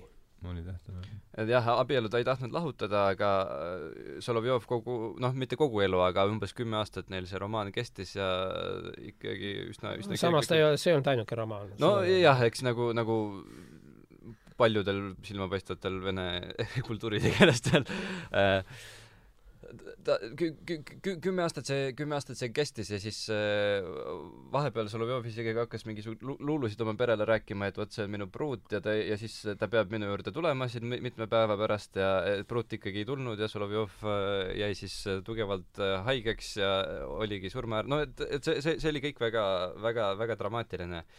ja see on, see on huvitav jah, et äh, võib-olla tal ju see Sofia idee hakkas, hakkas tekkima enne seda, kui ta tegelikult selle, selle Sofiaga nagu, Sofia hit- no, Hitrova- muidugi, jaa, selles. Sofias ta ta tundis ära Sofiat. aga milles nüüd seisneb ikkagi Sofia idee, oleks hea jah. minu ta- kõrvaltvaatajal kui me juba rääkisime nimedest, kohe räägime siis Sofia ideest ähm,. siis tema õpilane Aleksander Blok mm. äh,, ta Plokk oli Solovjovi õpilane? ah soo, vaata siis no ennekõike luuletajana mm. -hmm.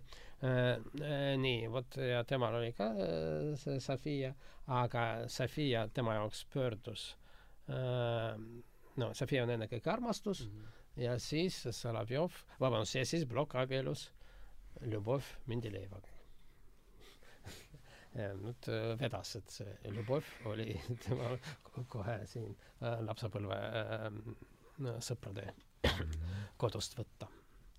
oli üsna traagiline abielu Mhm. aga äh, nii, hea küll, räägime nüüd äh, Sofia idee. Sofia, sofioloogia. sofioloogia on lihtsalt tema üks äh, Sobornost, ma saan aru, et nii, nii vähe jälle, kui mina jõudsin tutvuda selle asjaga, Sobornost ja, ja Sofi-, see Sofia idee on tal kaks sellist peamist õpetust. jaa, aga no tegelikult see on üks.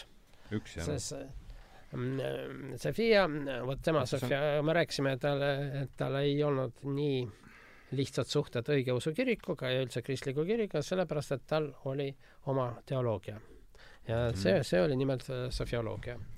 Ähm, et äh,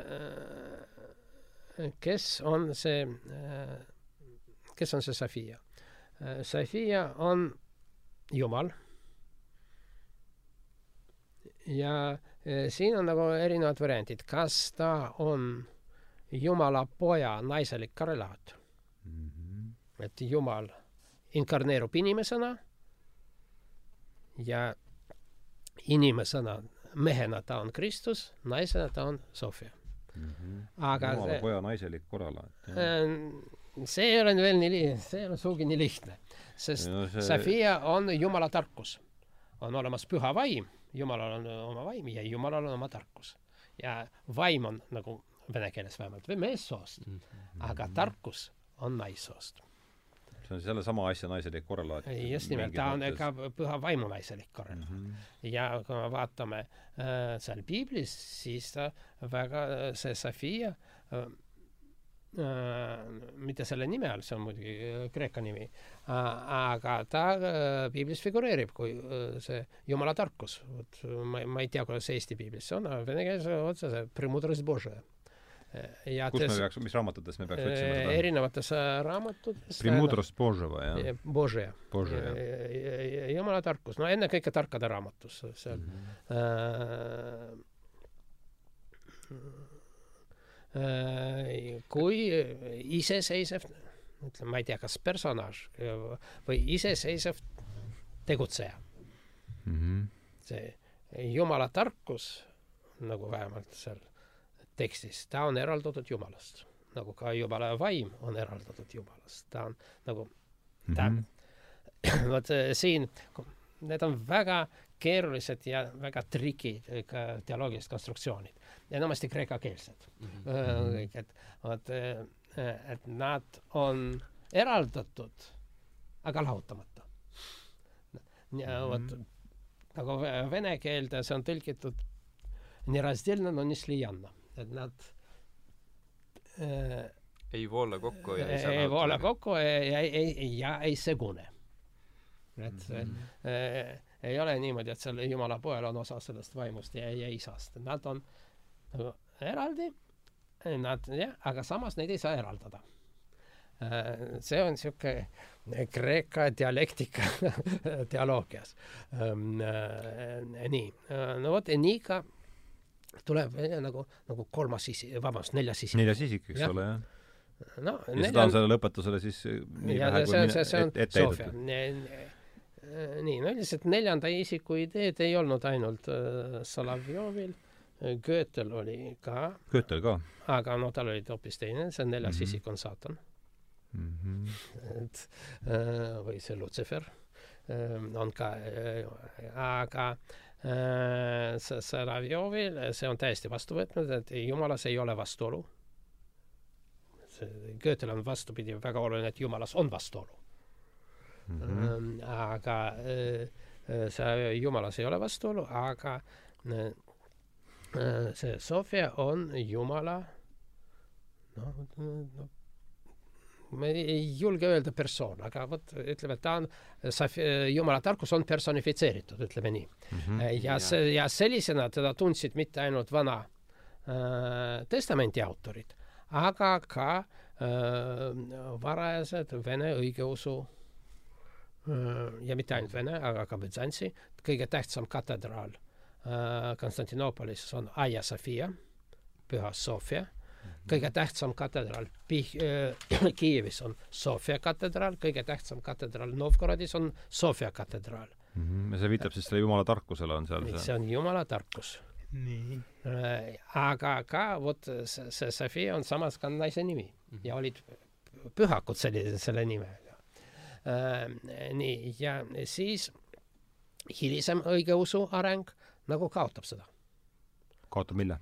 sellise Selle... Sofia kultuse. ja, jah, jah. ja aga Solovjov ütleb, et äh, rahva tarkus, kusjuures vot siin on väga oluline, et seal ähm, lahkusud olid äh, äh, mitte üksnes teoloogilised, aga nad olid kriminaalselt karistatavad mm. -hmm. aga ta, äh, aga Solovjov leidis, et vot lahkusulised säilitasid seda usku Sofiasse äh,. ja muide, vot kui me sõidame mööda äh, Peipsi läänerannikut, seal on sellised peatused nagu Anna ja muuseas ka Sofia. ja see ei ole mingisugune Sofia Ivanovna, see on nimelt see Sofia. nii et äh, äh, äh, nii, ja kes veel säilitas? kopti kirik. säilitas Sofia kultuse? jah -hmm., sellepärast ta läks Egiptusesse. No põhjus oli see, et Sofia talle ütles, et mine Egiptusesse. tal oli äh, ta kirjutas, no tal on üldse kolm, jah, kolm vestlust, kolm mm. loengut ja nii edasi, ja tal on poeem Kolm kohtumist, Trisvidanje mm.. ja kus ta ütleb, et kuna siin on jutt nii tähtsatest asjadest, et seda ei saa tõsises, tõsises stiilis väljendada, sellepärast ta kirjutab humoristlikku poeemi kuidas, vot see esimene seal kohtumine Venemaal, siis ta ütleb, mine Egiptusesse mm. -hmm. ja siis ta läks Egiptusse ja seal ta ilmus teine kord ja siis kui ma olin, mina Londonisse seal raamatukogus ilmus ta mm. -hmm. vot äh, kolm kohtumist mm. -hmm. Nii, nii ja see. hästi noor, kakskümmend kolm vist oli siis, kui ta Kairos käis. jah. Äh, no vot ja siis ütelda, et need on kõige tähtsamad asjad, mis ta nägi. Ja sellest sofioloogiast sai selline koolkond vene filosoofias, selline väga vaimne, mm, noh, selline uh,, vot ka tema sofioloogia oli ühelt poolt nagu müstiline, aga teiselt poolt üsna ratsionaalne. ja sellise Hegeli dialektikale uh, alluv. ja seda vot need Trubetskoid ja need Loski ja teised üsna väljapaistvad vene filosoofid arendasid mm,. nii, aga enne kui me räägime Berdjajevist, tuleme tagasi nüüd selle äh, Solovjovi elu lõpule. ja ma tahaks ikkagi, sest äh, aga mis, enne kui me lõpu juurde läheme, et mis ikkagi, mis, millises, mis probleemile siis see sofioloogia nüüd oot-? kui, kui tegelikult min-, minu arust Solovjov kasutab seda Sofia mõistet nagu kahes tähenduses, üks oli see, mida teie nagu ära mainisite praegu, ja teine on ju see justkui inimsuse komponent äh, Kristuse isikus, et, et selline mingis mõttes noh, plaatonlik ideaalne inimkond, kuhu meie peame pürgima ja kus siis see ajalugu saavutab oma kulminatsiooni. jah, aga no see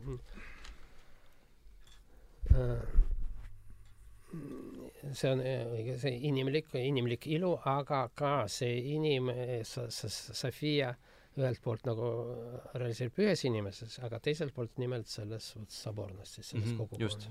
ja, ja see, see on see, kus see Sabornas siis tuleb sisse sellesse sofioloogiasse?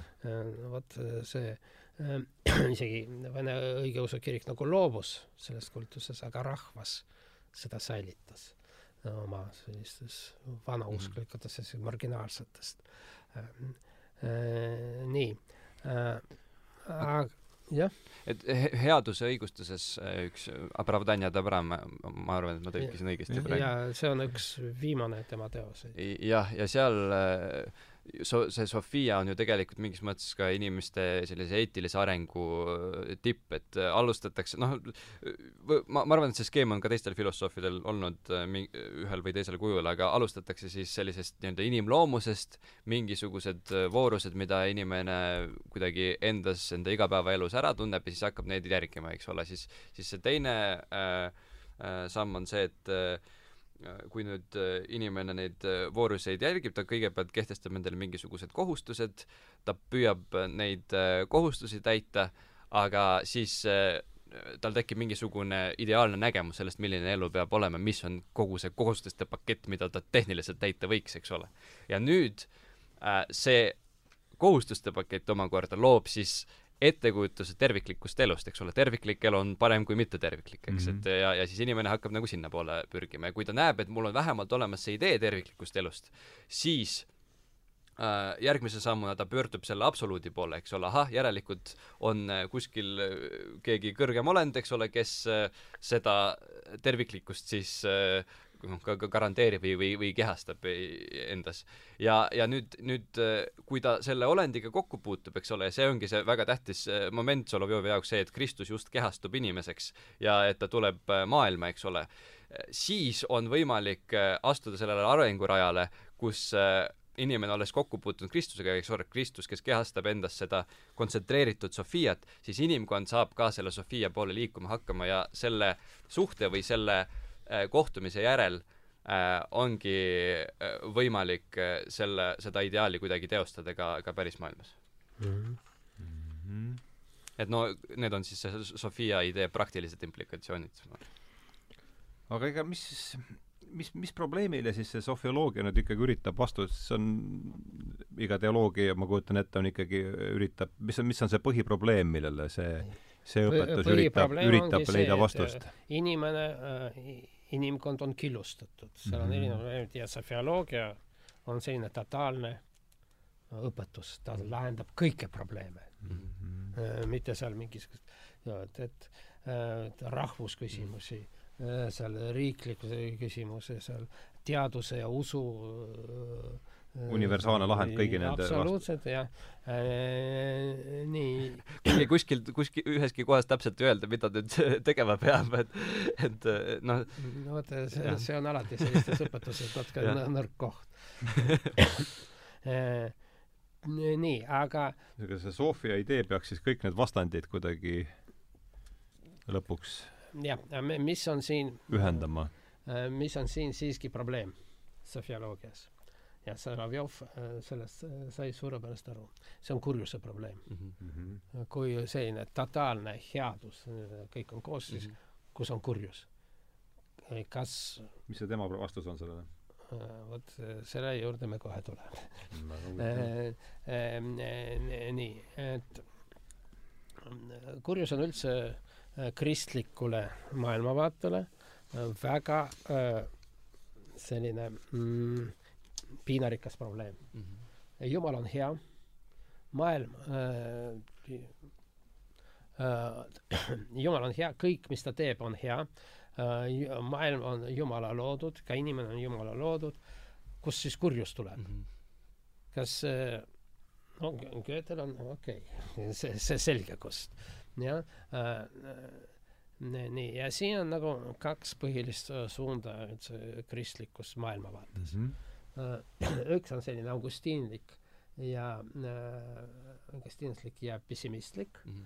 äh,, et äh, kurjusel on oma allikas äh,. see on see manilusest pärit natuke, otsapidi läheb sinna vist või?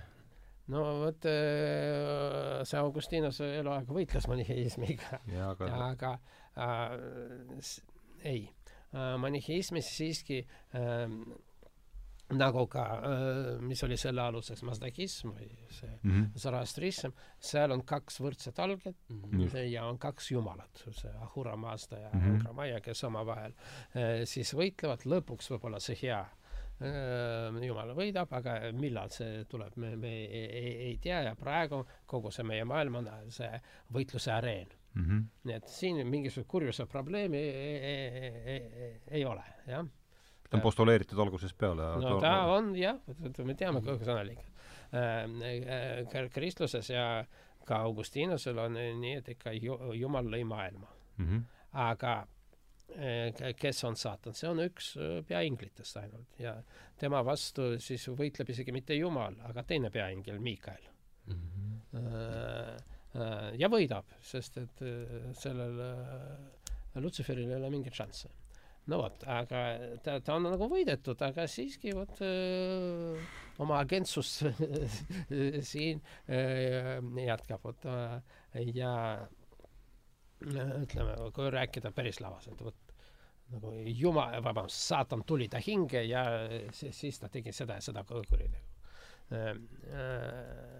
ühelt poolt nagu inimene ise ei ole süüdi, aga teiselt poolt äh, selle eest tapeti mitte saatanat, aga sada inimest, kes kes äh, sooritas. vot ja äh, ka vene keeles on äh, selline äh, väljend, praegu, praegu isegi ei mõelda selle peale, et, et mida see tähendab, et, et, et tegin midagi halba, et see Äh, saatan ajas, ajas valele teele vennaga. kurat eksitas, jah. kuidas see vene keeles on? ah, äh, aga me äh, ajas segadusse, nii Ka, kaks suunda siis kristluses, üks Augustiinlik, pessimistlik ja teine ja, ja August... teine on Püha Toomasega seotud mm, -hmm. ütleme, aristoteelik äh, suund. kaks suunda tulevad jälle välja äh,. kus äh,, et äh, ütleme, kurjus on illusioon mm. -hmm. et äh, Jumal lõi perfektse maailma aga no mis asi on headus? See on valgus. Aga mis asi on kurjus? See on vari. Varja varjul ei ole allikat. Vari on ainult öö, valguse puudus. Äh, äh, vot nii et äh, oma omistada varjule mingisugust agendat seal mingisuguseid strateegiaid kuidas ta rikub meid ja on noh ütleme mitte ettevaatlik no Püha Toomasel ei ole päris nii aga see on see see vaim ja selline ütleme optimistlik. Ja ütleme see sofioloogia on selgelt vot seda suunda Aristotelese poole no et, äh, mitte Või Aristotelese poole aga vot teise teise suuna äh, see seda seda suunda et kõik on hea mm -hmm. kõik on hea no lihtsalt Aristotelese nimi tuli läbi sellest Äh, no sellest, ta see Aristoteles ei olnud nii muidugi ta ta oli tuttav äh, Aristotelese te teostega aga ta oli palju rohkem ikka Platoni mõjul mm -hmm. ja aga see vot käis see äh, läbi see sofioloogia on optimistlik maailmavaade. Aga äh, Solovjov ei olnud optimist. mis ta ja äh, vot ta oli visionäär, tal oli kolm kohtumist äh, Sofiaga, Jumala tarkusega, aga elu lõpus talle näidati hoopis teisi asju.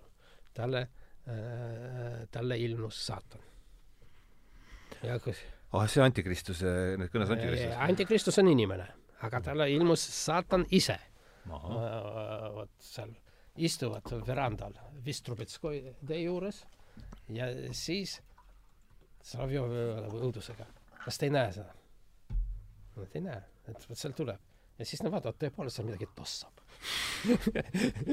Et, et, et talle ilm ja vot see tema viimaseks jäänud teos kolm jällegi kolm kõnelust progressist ja nii edasi mm. -hmm. seal ta äh, polemiseerib Tolstoiga, kes on selline optimistlik ja vägivallavastane, et kurjus on reaalne ja kurjusega saab võidelda ainult vägivaldsete meetoditega. mm. -hmm. ja seal see viimane osa sellest, üldse võib-olla see on vi- viimane Solovjovi teos, on see äh, äh, kõnelus või see lugu antikristusest.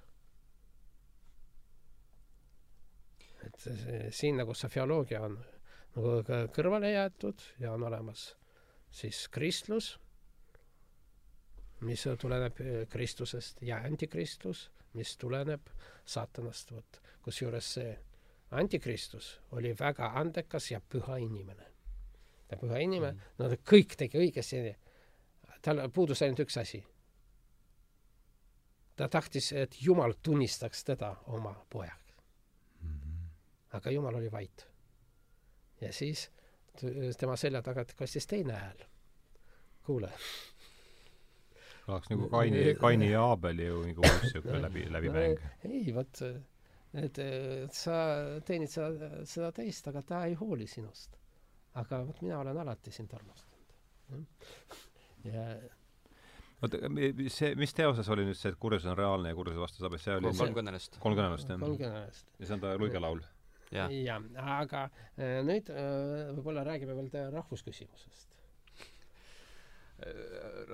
rahvusküsimus, ma, ma, aga, aga, aga samas ma, ma ei, ma ei tea, kas me, kas me kolme kõnelusega oleme, oleme lõpetanud, et, et, me, me, ma isegi võtaks, meil on siin võib-olla veer-, vahest muidugi veerand tundi jäänud, et järsku kulutaks veel kolmele kõnelusele natukene, paar, paar sõna.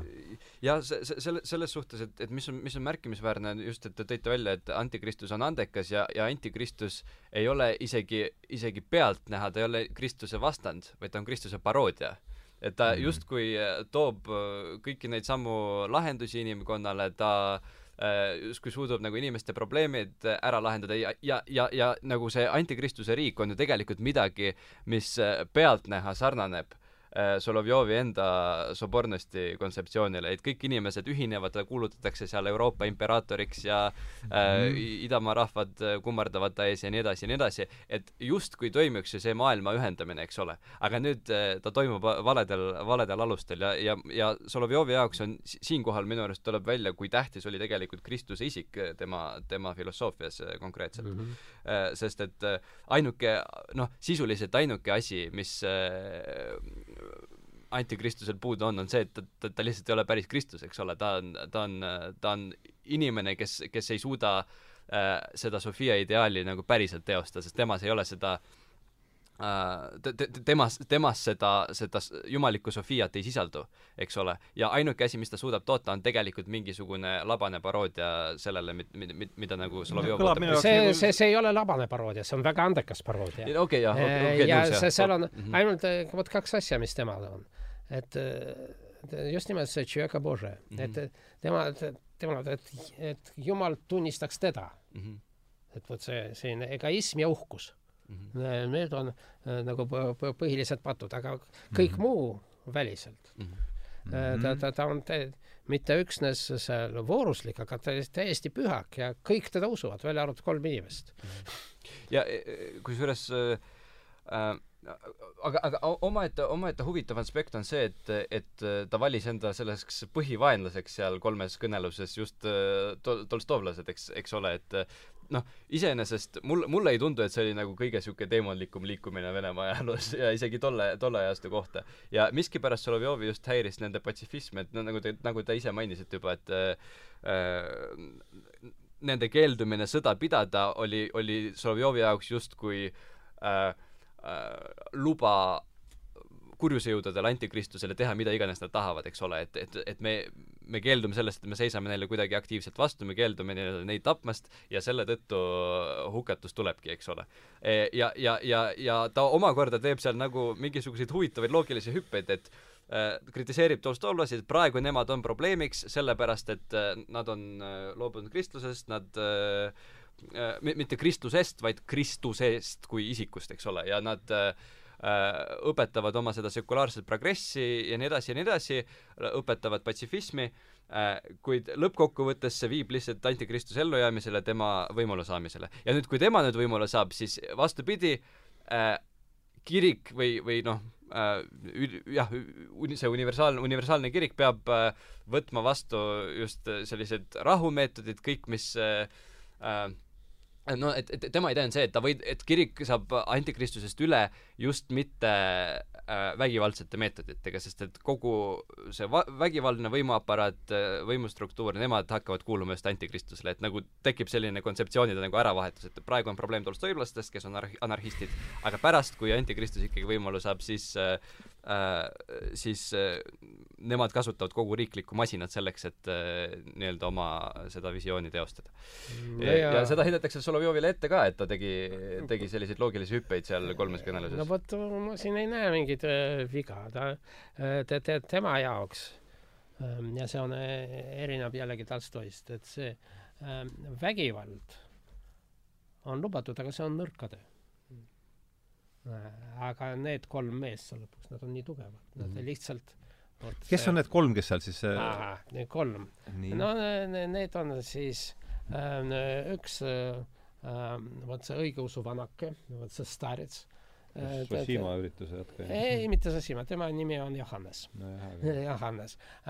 kes ta täpselt on, ei teata, aga äh, võimalik, et ta on evangelist äh, Johannes, kuna äh, Jeesus ütles Johannesele, et vot sina ei sure või sina saad näha siis äh, vot Johannese surma kohta nagu erinevalt seal äh, seal Peetrus nagu löödi risti, seal ähm, Bartolomeos nüliti mm, -hmm. seal kõik lõpetasid hästi, aga vot kuidas Johannes suri, ei ole teada ja võib-olla vot siiamaani on, elab mm. -hmm. vot sihuke nagu Johannes, siis seal luterlik pastor Pauli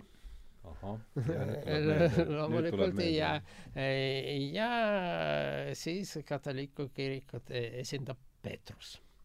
Äh, vot siis äh,, Peetrus oli esimene Rooma paavst. ja paavst võib võtta ükskõik missuguse nime peale Peetrust, sest siis on maailma lõpp nii, no vot, vot need kolm.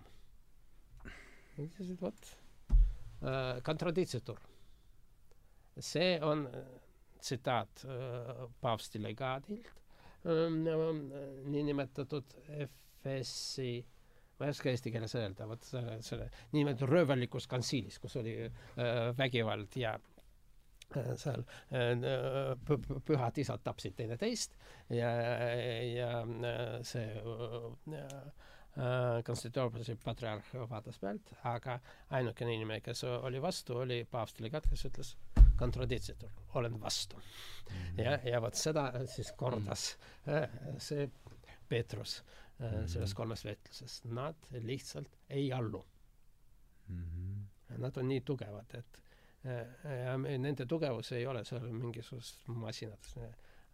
ja see on erinevus Tolstoist, nad tugevad, nad on tugevad Kristuses ja jällegi vot siin, et igal nendel protestantism, õigeusk, katoliiklus, seal va-, äh, sõdivad ainult, aga see kõik need erinevus, see on jama. Tuleb äh, ühineda Kristuses. ja see on huvitav, et seal, kui ta kirjutab äh, Venemaa ja universaalne või see katoliku kirik, et seal on jutt ainult katoliku ja õigeusust, aga siin ta Äh, saab aru, et on vaja ka luterlust või ütleme, protestantismi ka laiemalt. et kas, kas seal on oma tõde Jumalast? no vot äh,. kui mahukas teos see kolm vestlust on siis? kui mahukas teos see on? ei ole äh,, ei ole mahukas. on kolm vestlust seal kolm õhtut räägivad see seltskond. Äh, aga siis, kui tuleb jutt antikristusest, siis see vürst paneb ajama ta, see siukest jama ta ei taha enam kuulda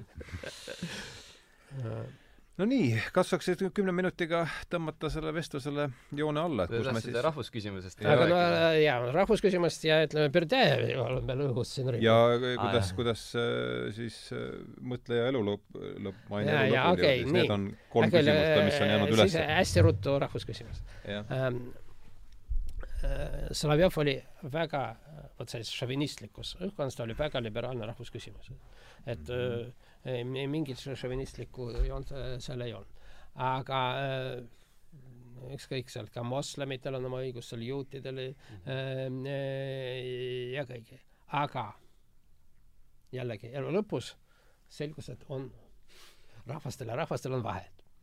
ütleme seal moslemite, juutidega, seal katoliiklastega ja nii edasi, me saame leppida aga vot sealt idast Aasia tuleb kollane, kollane oht mm. -hmm. kusjuures enne kõige rohkem, kõige rohkem ta kartis jaapanlasi. no vot see ja seda ta suri enne Jaapani sõda ära ikkagi. seda hakati nimetama panmangalismiks, seda mm. -hmm. et vot, et see tohutu mass, nagu need rändtirtsud, nad tulevad, hävitavad ja äh, vot seal ei ole mingit individuaalsust, seal ei ole mingit ideed Kristusest, seal ütleme, seal moslemitel on äh, see usk ei ole äh, Solovjovile vastuvõetav, aga seal on usk äh, sellesamasse jumalasse monoteistlikusse äh, jumalasse, aga seal isegi ei taha süveneda, kes seal mingisugused lohed nad. Ja ta ähm, äh, ja tal on paar luuletust, üks, ma vaeva nimetasin, panmangalism oli see liikumine, mis hakkaski sellest ähm, luuletusest ja äh, või siis lohe, mis oli pühendatud ähm, niinimetatud bokserite ülestõusmisele et, et õigemini ta oli pühendunud Sigridile, jah, aga Sigridi all on mõeldud Wilhelm Teine mm, -hmm. kes ka, ka suurtükkidega äh,, suurtükkidega surus maha relvastatud noh, relvad, mis bokserid, need olid kung fu mehed mm. -hmm. aga äh, nii, vot see liberaalne rahvaste äh, armastaja, vot lõp-, elu lõpetas sellega, aga mis tal seal selleks pöördeks oli või on sellest kindlasti no tead, kus oli äh, tulevad Sofia asemel hakkad nägema hoopis teistsuguseid personaaže, siis see vot, et kurjus on maailmas lokaliseeritud ja ta on lokaliseeritud Kaug-Idas mm. -hmm. ja no vot ma, ma arvan, et Solovjov oli üldiselt sellise tugeva ühiskondliku, tugeva sellise apokalüptilise tunnetusega, et ka Venemaa tuleviku osas ta ju nägi, et midagi on tulemas, eks ole, aga võib-olla, võib-olla ei suutnud sellele nagu mingisugust lahendust pakkuda, et selles no, oligi tema nagu tragöödia. et jah, et Venemaalt peab nüüd valima, aga missugune äh, vot see ex oriente lux, idast tuleb valgus, aga missugune valgus, kas Kristus või Xerxes? Каким ты хочешь быть Востоком? Востоком Ксеркса или Христа? vot see jällegi Pärsia sõjavägi ei olnud sugugi selline amorfne mass. üsna kõrge kultuur oli, aga Euroopa sellises teadvuses ta on vastanud Kreeka struktureeritud ja vabale ühiskonnale. film Kolmsada on ilmselt siin suurt rolli mänginud no populaarse teadvuse kujundamise no see kolmsada spartlast on üks väga oluline ütleme Euroopa isegi mitte alustekst, aga selline aluskujund mm. No selle pealt see film sõitis ka mm? -hmm. no selle alusel on tehtud mitu filmi. selle alusel on kirjutatud mitu raamatut ja nii edasi, see on üks väga oluline, et ähm, nii äh,, siis surmast ta, Solovjov mürgitas ennast mitte ainult saatana piltidega. vot see, ta oli väga ratsionaalne inimene ja väga hoolitses oma tervise mm. -hmm. Ja nagu paljud need inimesed, kes hoolitsevad oma tervise, ta, see hoolitsus teda tappis nii et see, no muidugi ta, teine põhjus oli, ta, ta oli väga töökas ja ta töötas pidevalt üle, pidevas sellises väsimuses. aga veel tal oli selline steriilsuse, steriilsuse, ma ei tea, vot sa ei, ei saa öelda, et bakterifoobia, ta ei, nagu bakteritest eriti ei rääkinud, aga peab olema puhas. ja puhastas kõiki asju ta terpendiiniga mm. -hmm. ja pidevalt oma toas, ta nimetas seda ähm, parfüüm a la Solovjov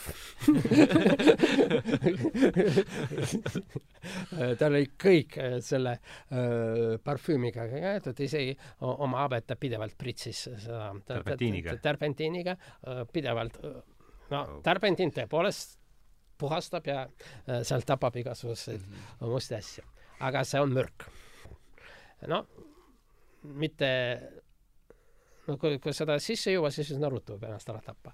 aga kui seda sisse hingata, siis see ruineerib äh, ennekõike neerusid, aga ka teisi äh, siseorganeid. ja vot äh, arvatakse, et see terpentiini aurud olid ka üks tema äh, surma põhjus võrdlemisi noore inimesena. nelikümmend seitse siis või? vot äh, see ei tohi tervise eest ei tohi nii palju tervisega tegeleda. tuleb homm-, hommikune terpentiini joomine ära jätta. just nimelt, jah. no see Glen Gould, geniaalne äh, klaverimängija, tappis ennast rohtudega, sellepärast, et sellepärast, et kartis haigeks jääda aga siis äh, vahest lõpetuseks see Berdjajevi teema on siin nüüd olnud õhu, õhus ja siis ongi kaks tundi meil siin läinud ja tema või joon alla. Jaa, et mul, ma, mind tegelikult huvitab, et te, te mainisite, et Berdajev kritiseeris teda, mina, ma ei ole Berdajevi enda loominguga nii hästi kursis, et ma, ma lugesin umbes kolm raamatut temalt ja siis nend-, nendest ta just vastupidi rääkis Solovjovist kui sellisest noh, Vene filosoofia isast ja nii edasi, et, et ja, ja, ja mulle tundus, et, et seal ta nagu räägib temast väga, väga positiivsel, positiivsel toonil, et tegelikult nendest raamatutest mul tekkiski huvi Solovjovi vastu, miks ma üldse Solovjovi lugema, jaa, just, just, just, et, et mis raamatud? et no Berdjajevi see Vene filosoofia ja sama Poznanja, see, kuidas nüüd eneseteadvus. enese, enesetundmine, eneseõppimine. see on meil olemas. see on see on eesti keeles olemas ja see on üks nendest vähestest vene filosoofia raamatutest, mis on see on täiesti õige kõik, mis te rääkisite ja äh, ütleme, Berdejev oli omakorda Solovjovi antitees ja ta mm. väga hästi teadis, mis on äh, selle ähm, te tees. Äh, ja seda tuleb rõhutada, et kui unustada Grigori Skovoroda ja, ja mitte tähele panna Raditševit ja neid loogikaõpetajaid ja um, no ja sellist akadeemilist filosoofe, kes ei jätnud originaalset õpetust, siis Solovjov oli esimene vene originaalne filosoof. Ja kõik teised, kõik järgnev filosoofia pidi nii või teisiti Solovjoviga mm -hmm. seostama. Ja äh, muidugi, vot see Sergei Bulgakov äh,, vahepeal marksist, siis pärast jälle sofioloogia äh,, noh, selline kristlik sotsialist Äh, äh, ja teised, nad on kõik äh, Solovjoviga seotud. kuid selles sofioloogias puudub üks oluline aspekt, mis oli Berdjajevi jaoks võtmeküsimus, see on vabadus mm. -hmm. see, Sofias vabadust ei ole. aga inimene äh, Berdjajevi jaoks on vaba. veelgi enam, Berdjajev seal teeb üsna julgeid äh, teoloogilisi järeldusi et äh, ka Jumal on vaba. ja mis tähendab vaba? see tähendab, et Jumalal ei ole äh, ette määratud plaani mm. -hmm. ja vot see, kogu see, ütleme, skalastiline traditsioon äh, ja tegelikult kogu teoloogia lähtub sellest, et me võime Jumala tegusid ja Jumala sõnu ja kõike analüüsida loogika abil aga kes ütles, et Jumal allub loogikale? loogika on inimese äh, ütleme, selline institutsioon. Äh, et vot see siin isegi veel radikaalsem äh, Solovjovi vastane on Lev Šustov. just, ma tahtsin, et see kõlab Šustovi moodi väga. no Šustov üldse eksistentsialist. ja et et no et mida Šestov üldse teeb? kui kasutada moodsamaid termineid, ta dekonstrueerib kogu kristlust mm. -hmm. et Jumal on hea. mis tähendab hea? headus on, ja siin on muidugi ka tal Nietzsche abiks, et headus on jällegi in, inimese kategooria, inimlik kategooria. me otsime headust ja siis me lähme sellele Tolstoiluse lõksu. vot see eetiline õpetus. aga kes ütles, et Jumal on hea? Siis õiglus. jällegi, jumalik niisugune juriidiline mõtlemine, äh, loogika ja vot äh, ja vot äh, see üks tema raamat, aga see on üldse Šestovi niisugune juhtide, et tuleb lõpetada otsida headust ja tuleb alustada otsida Jumalat. nii, aga see on Šestov, see ei ole Berdjajev. Ähm, Berdjajev on vabaduse filosoof. ja äh, tema jaoks on vastuvõetamatu see no, Solovjoviks selline ütleme, orjalik moraal mm -hmm. ja teiselt poolt ta mm, ta äh, nagu vastandab kogu selle vene intelligentlikule traditsioonile. vot vene keeles on tõe jaoks kaks sõna. üks on pravda ja teine on istina mm. -hmm. ja see, erinevad vene autorid on püüdnud seda kuidagi kontseptualiseerida, et kumb siis on äh, paremini edasi. kaks tõde ja äh, see põhiline vene tõde on pravda mhm. ja see pravda on ühelt poolt nagu selline loogiline filosoofiline tõde, aga teiselt poolt see on eetiline ja äh, Berdjajevi jaoks see on lõks Mhm. Need asjad ei tohi äh,, neid asju ei tohi äh, niimoodi sünteesida, nagu teeb äh, Solovjov. ja äh, nagu tundub, et äh, selline asi on nagu eetiline jah, et te- tegelikult see just viib orjusele ja mm, am- amoralismile. et äh, vot tema jaoks see vot äh, see äh, filosofskая истина и интеллигентская правда, et, et see tuleb äh, tuleb otsida puhast tõde. no muidugi, vot eh, siin on äh, pä- päris huvitavad konnotatsioonid Eesti kultuuris. see Tammsaare Tõde ja õigus on suurel määral nende äh, vene vaidluste mm., intelligentlike vaidluste projitseerimine. ja ütleme, vot selle Tolstoi, no see eh, Tolstoilusele, Solovjovlusele nagu vastand oli ähm, äh, kogumik, kas eesti keeles nüüd äh, oli Vehhi, kuidas tee Äh, jah, ei, ei suudagi nii niimoodi tõlkida. aga no kena seda, ilmselt tuntakse selle nime all paremini kui, kui ei ole eesti keeles on see tõlgitud. on jah? ja Berdjajev või? Ei, Vehhi. see on, seal on see on, see on kollektiivne aa, ähm, äh, kogumik äh,. Äh, selline äh, väga äh, selline põhjapanev, võib-olla seda nii eesti keelde ei ole tõlgitud siin mul vihji.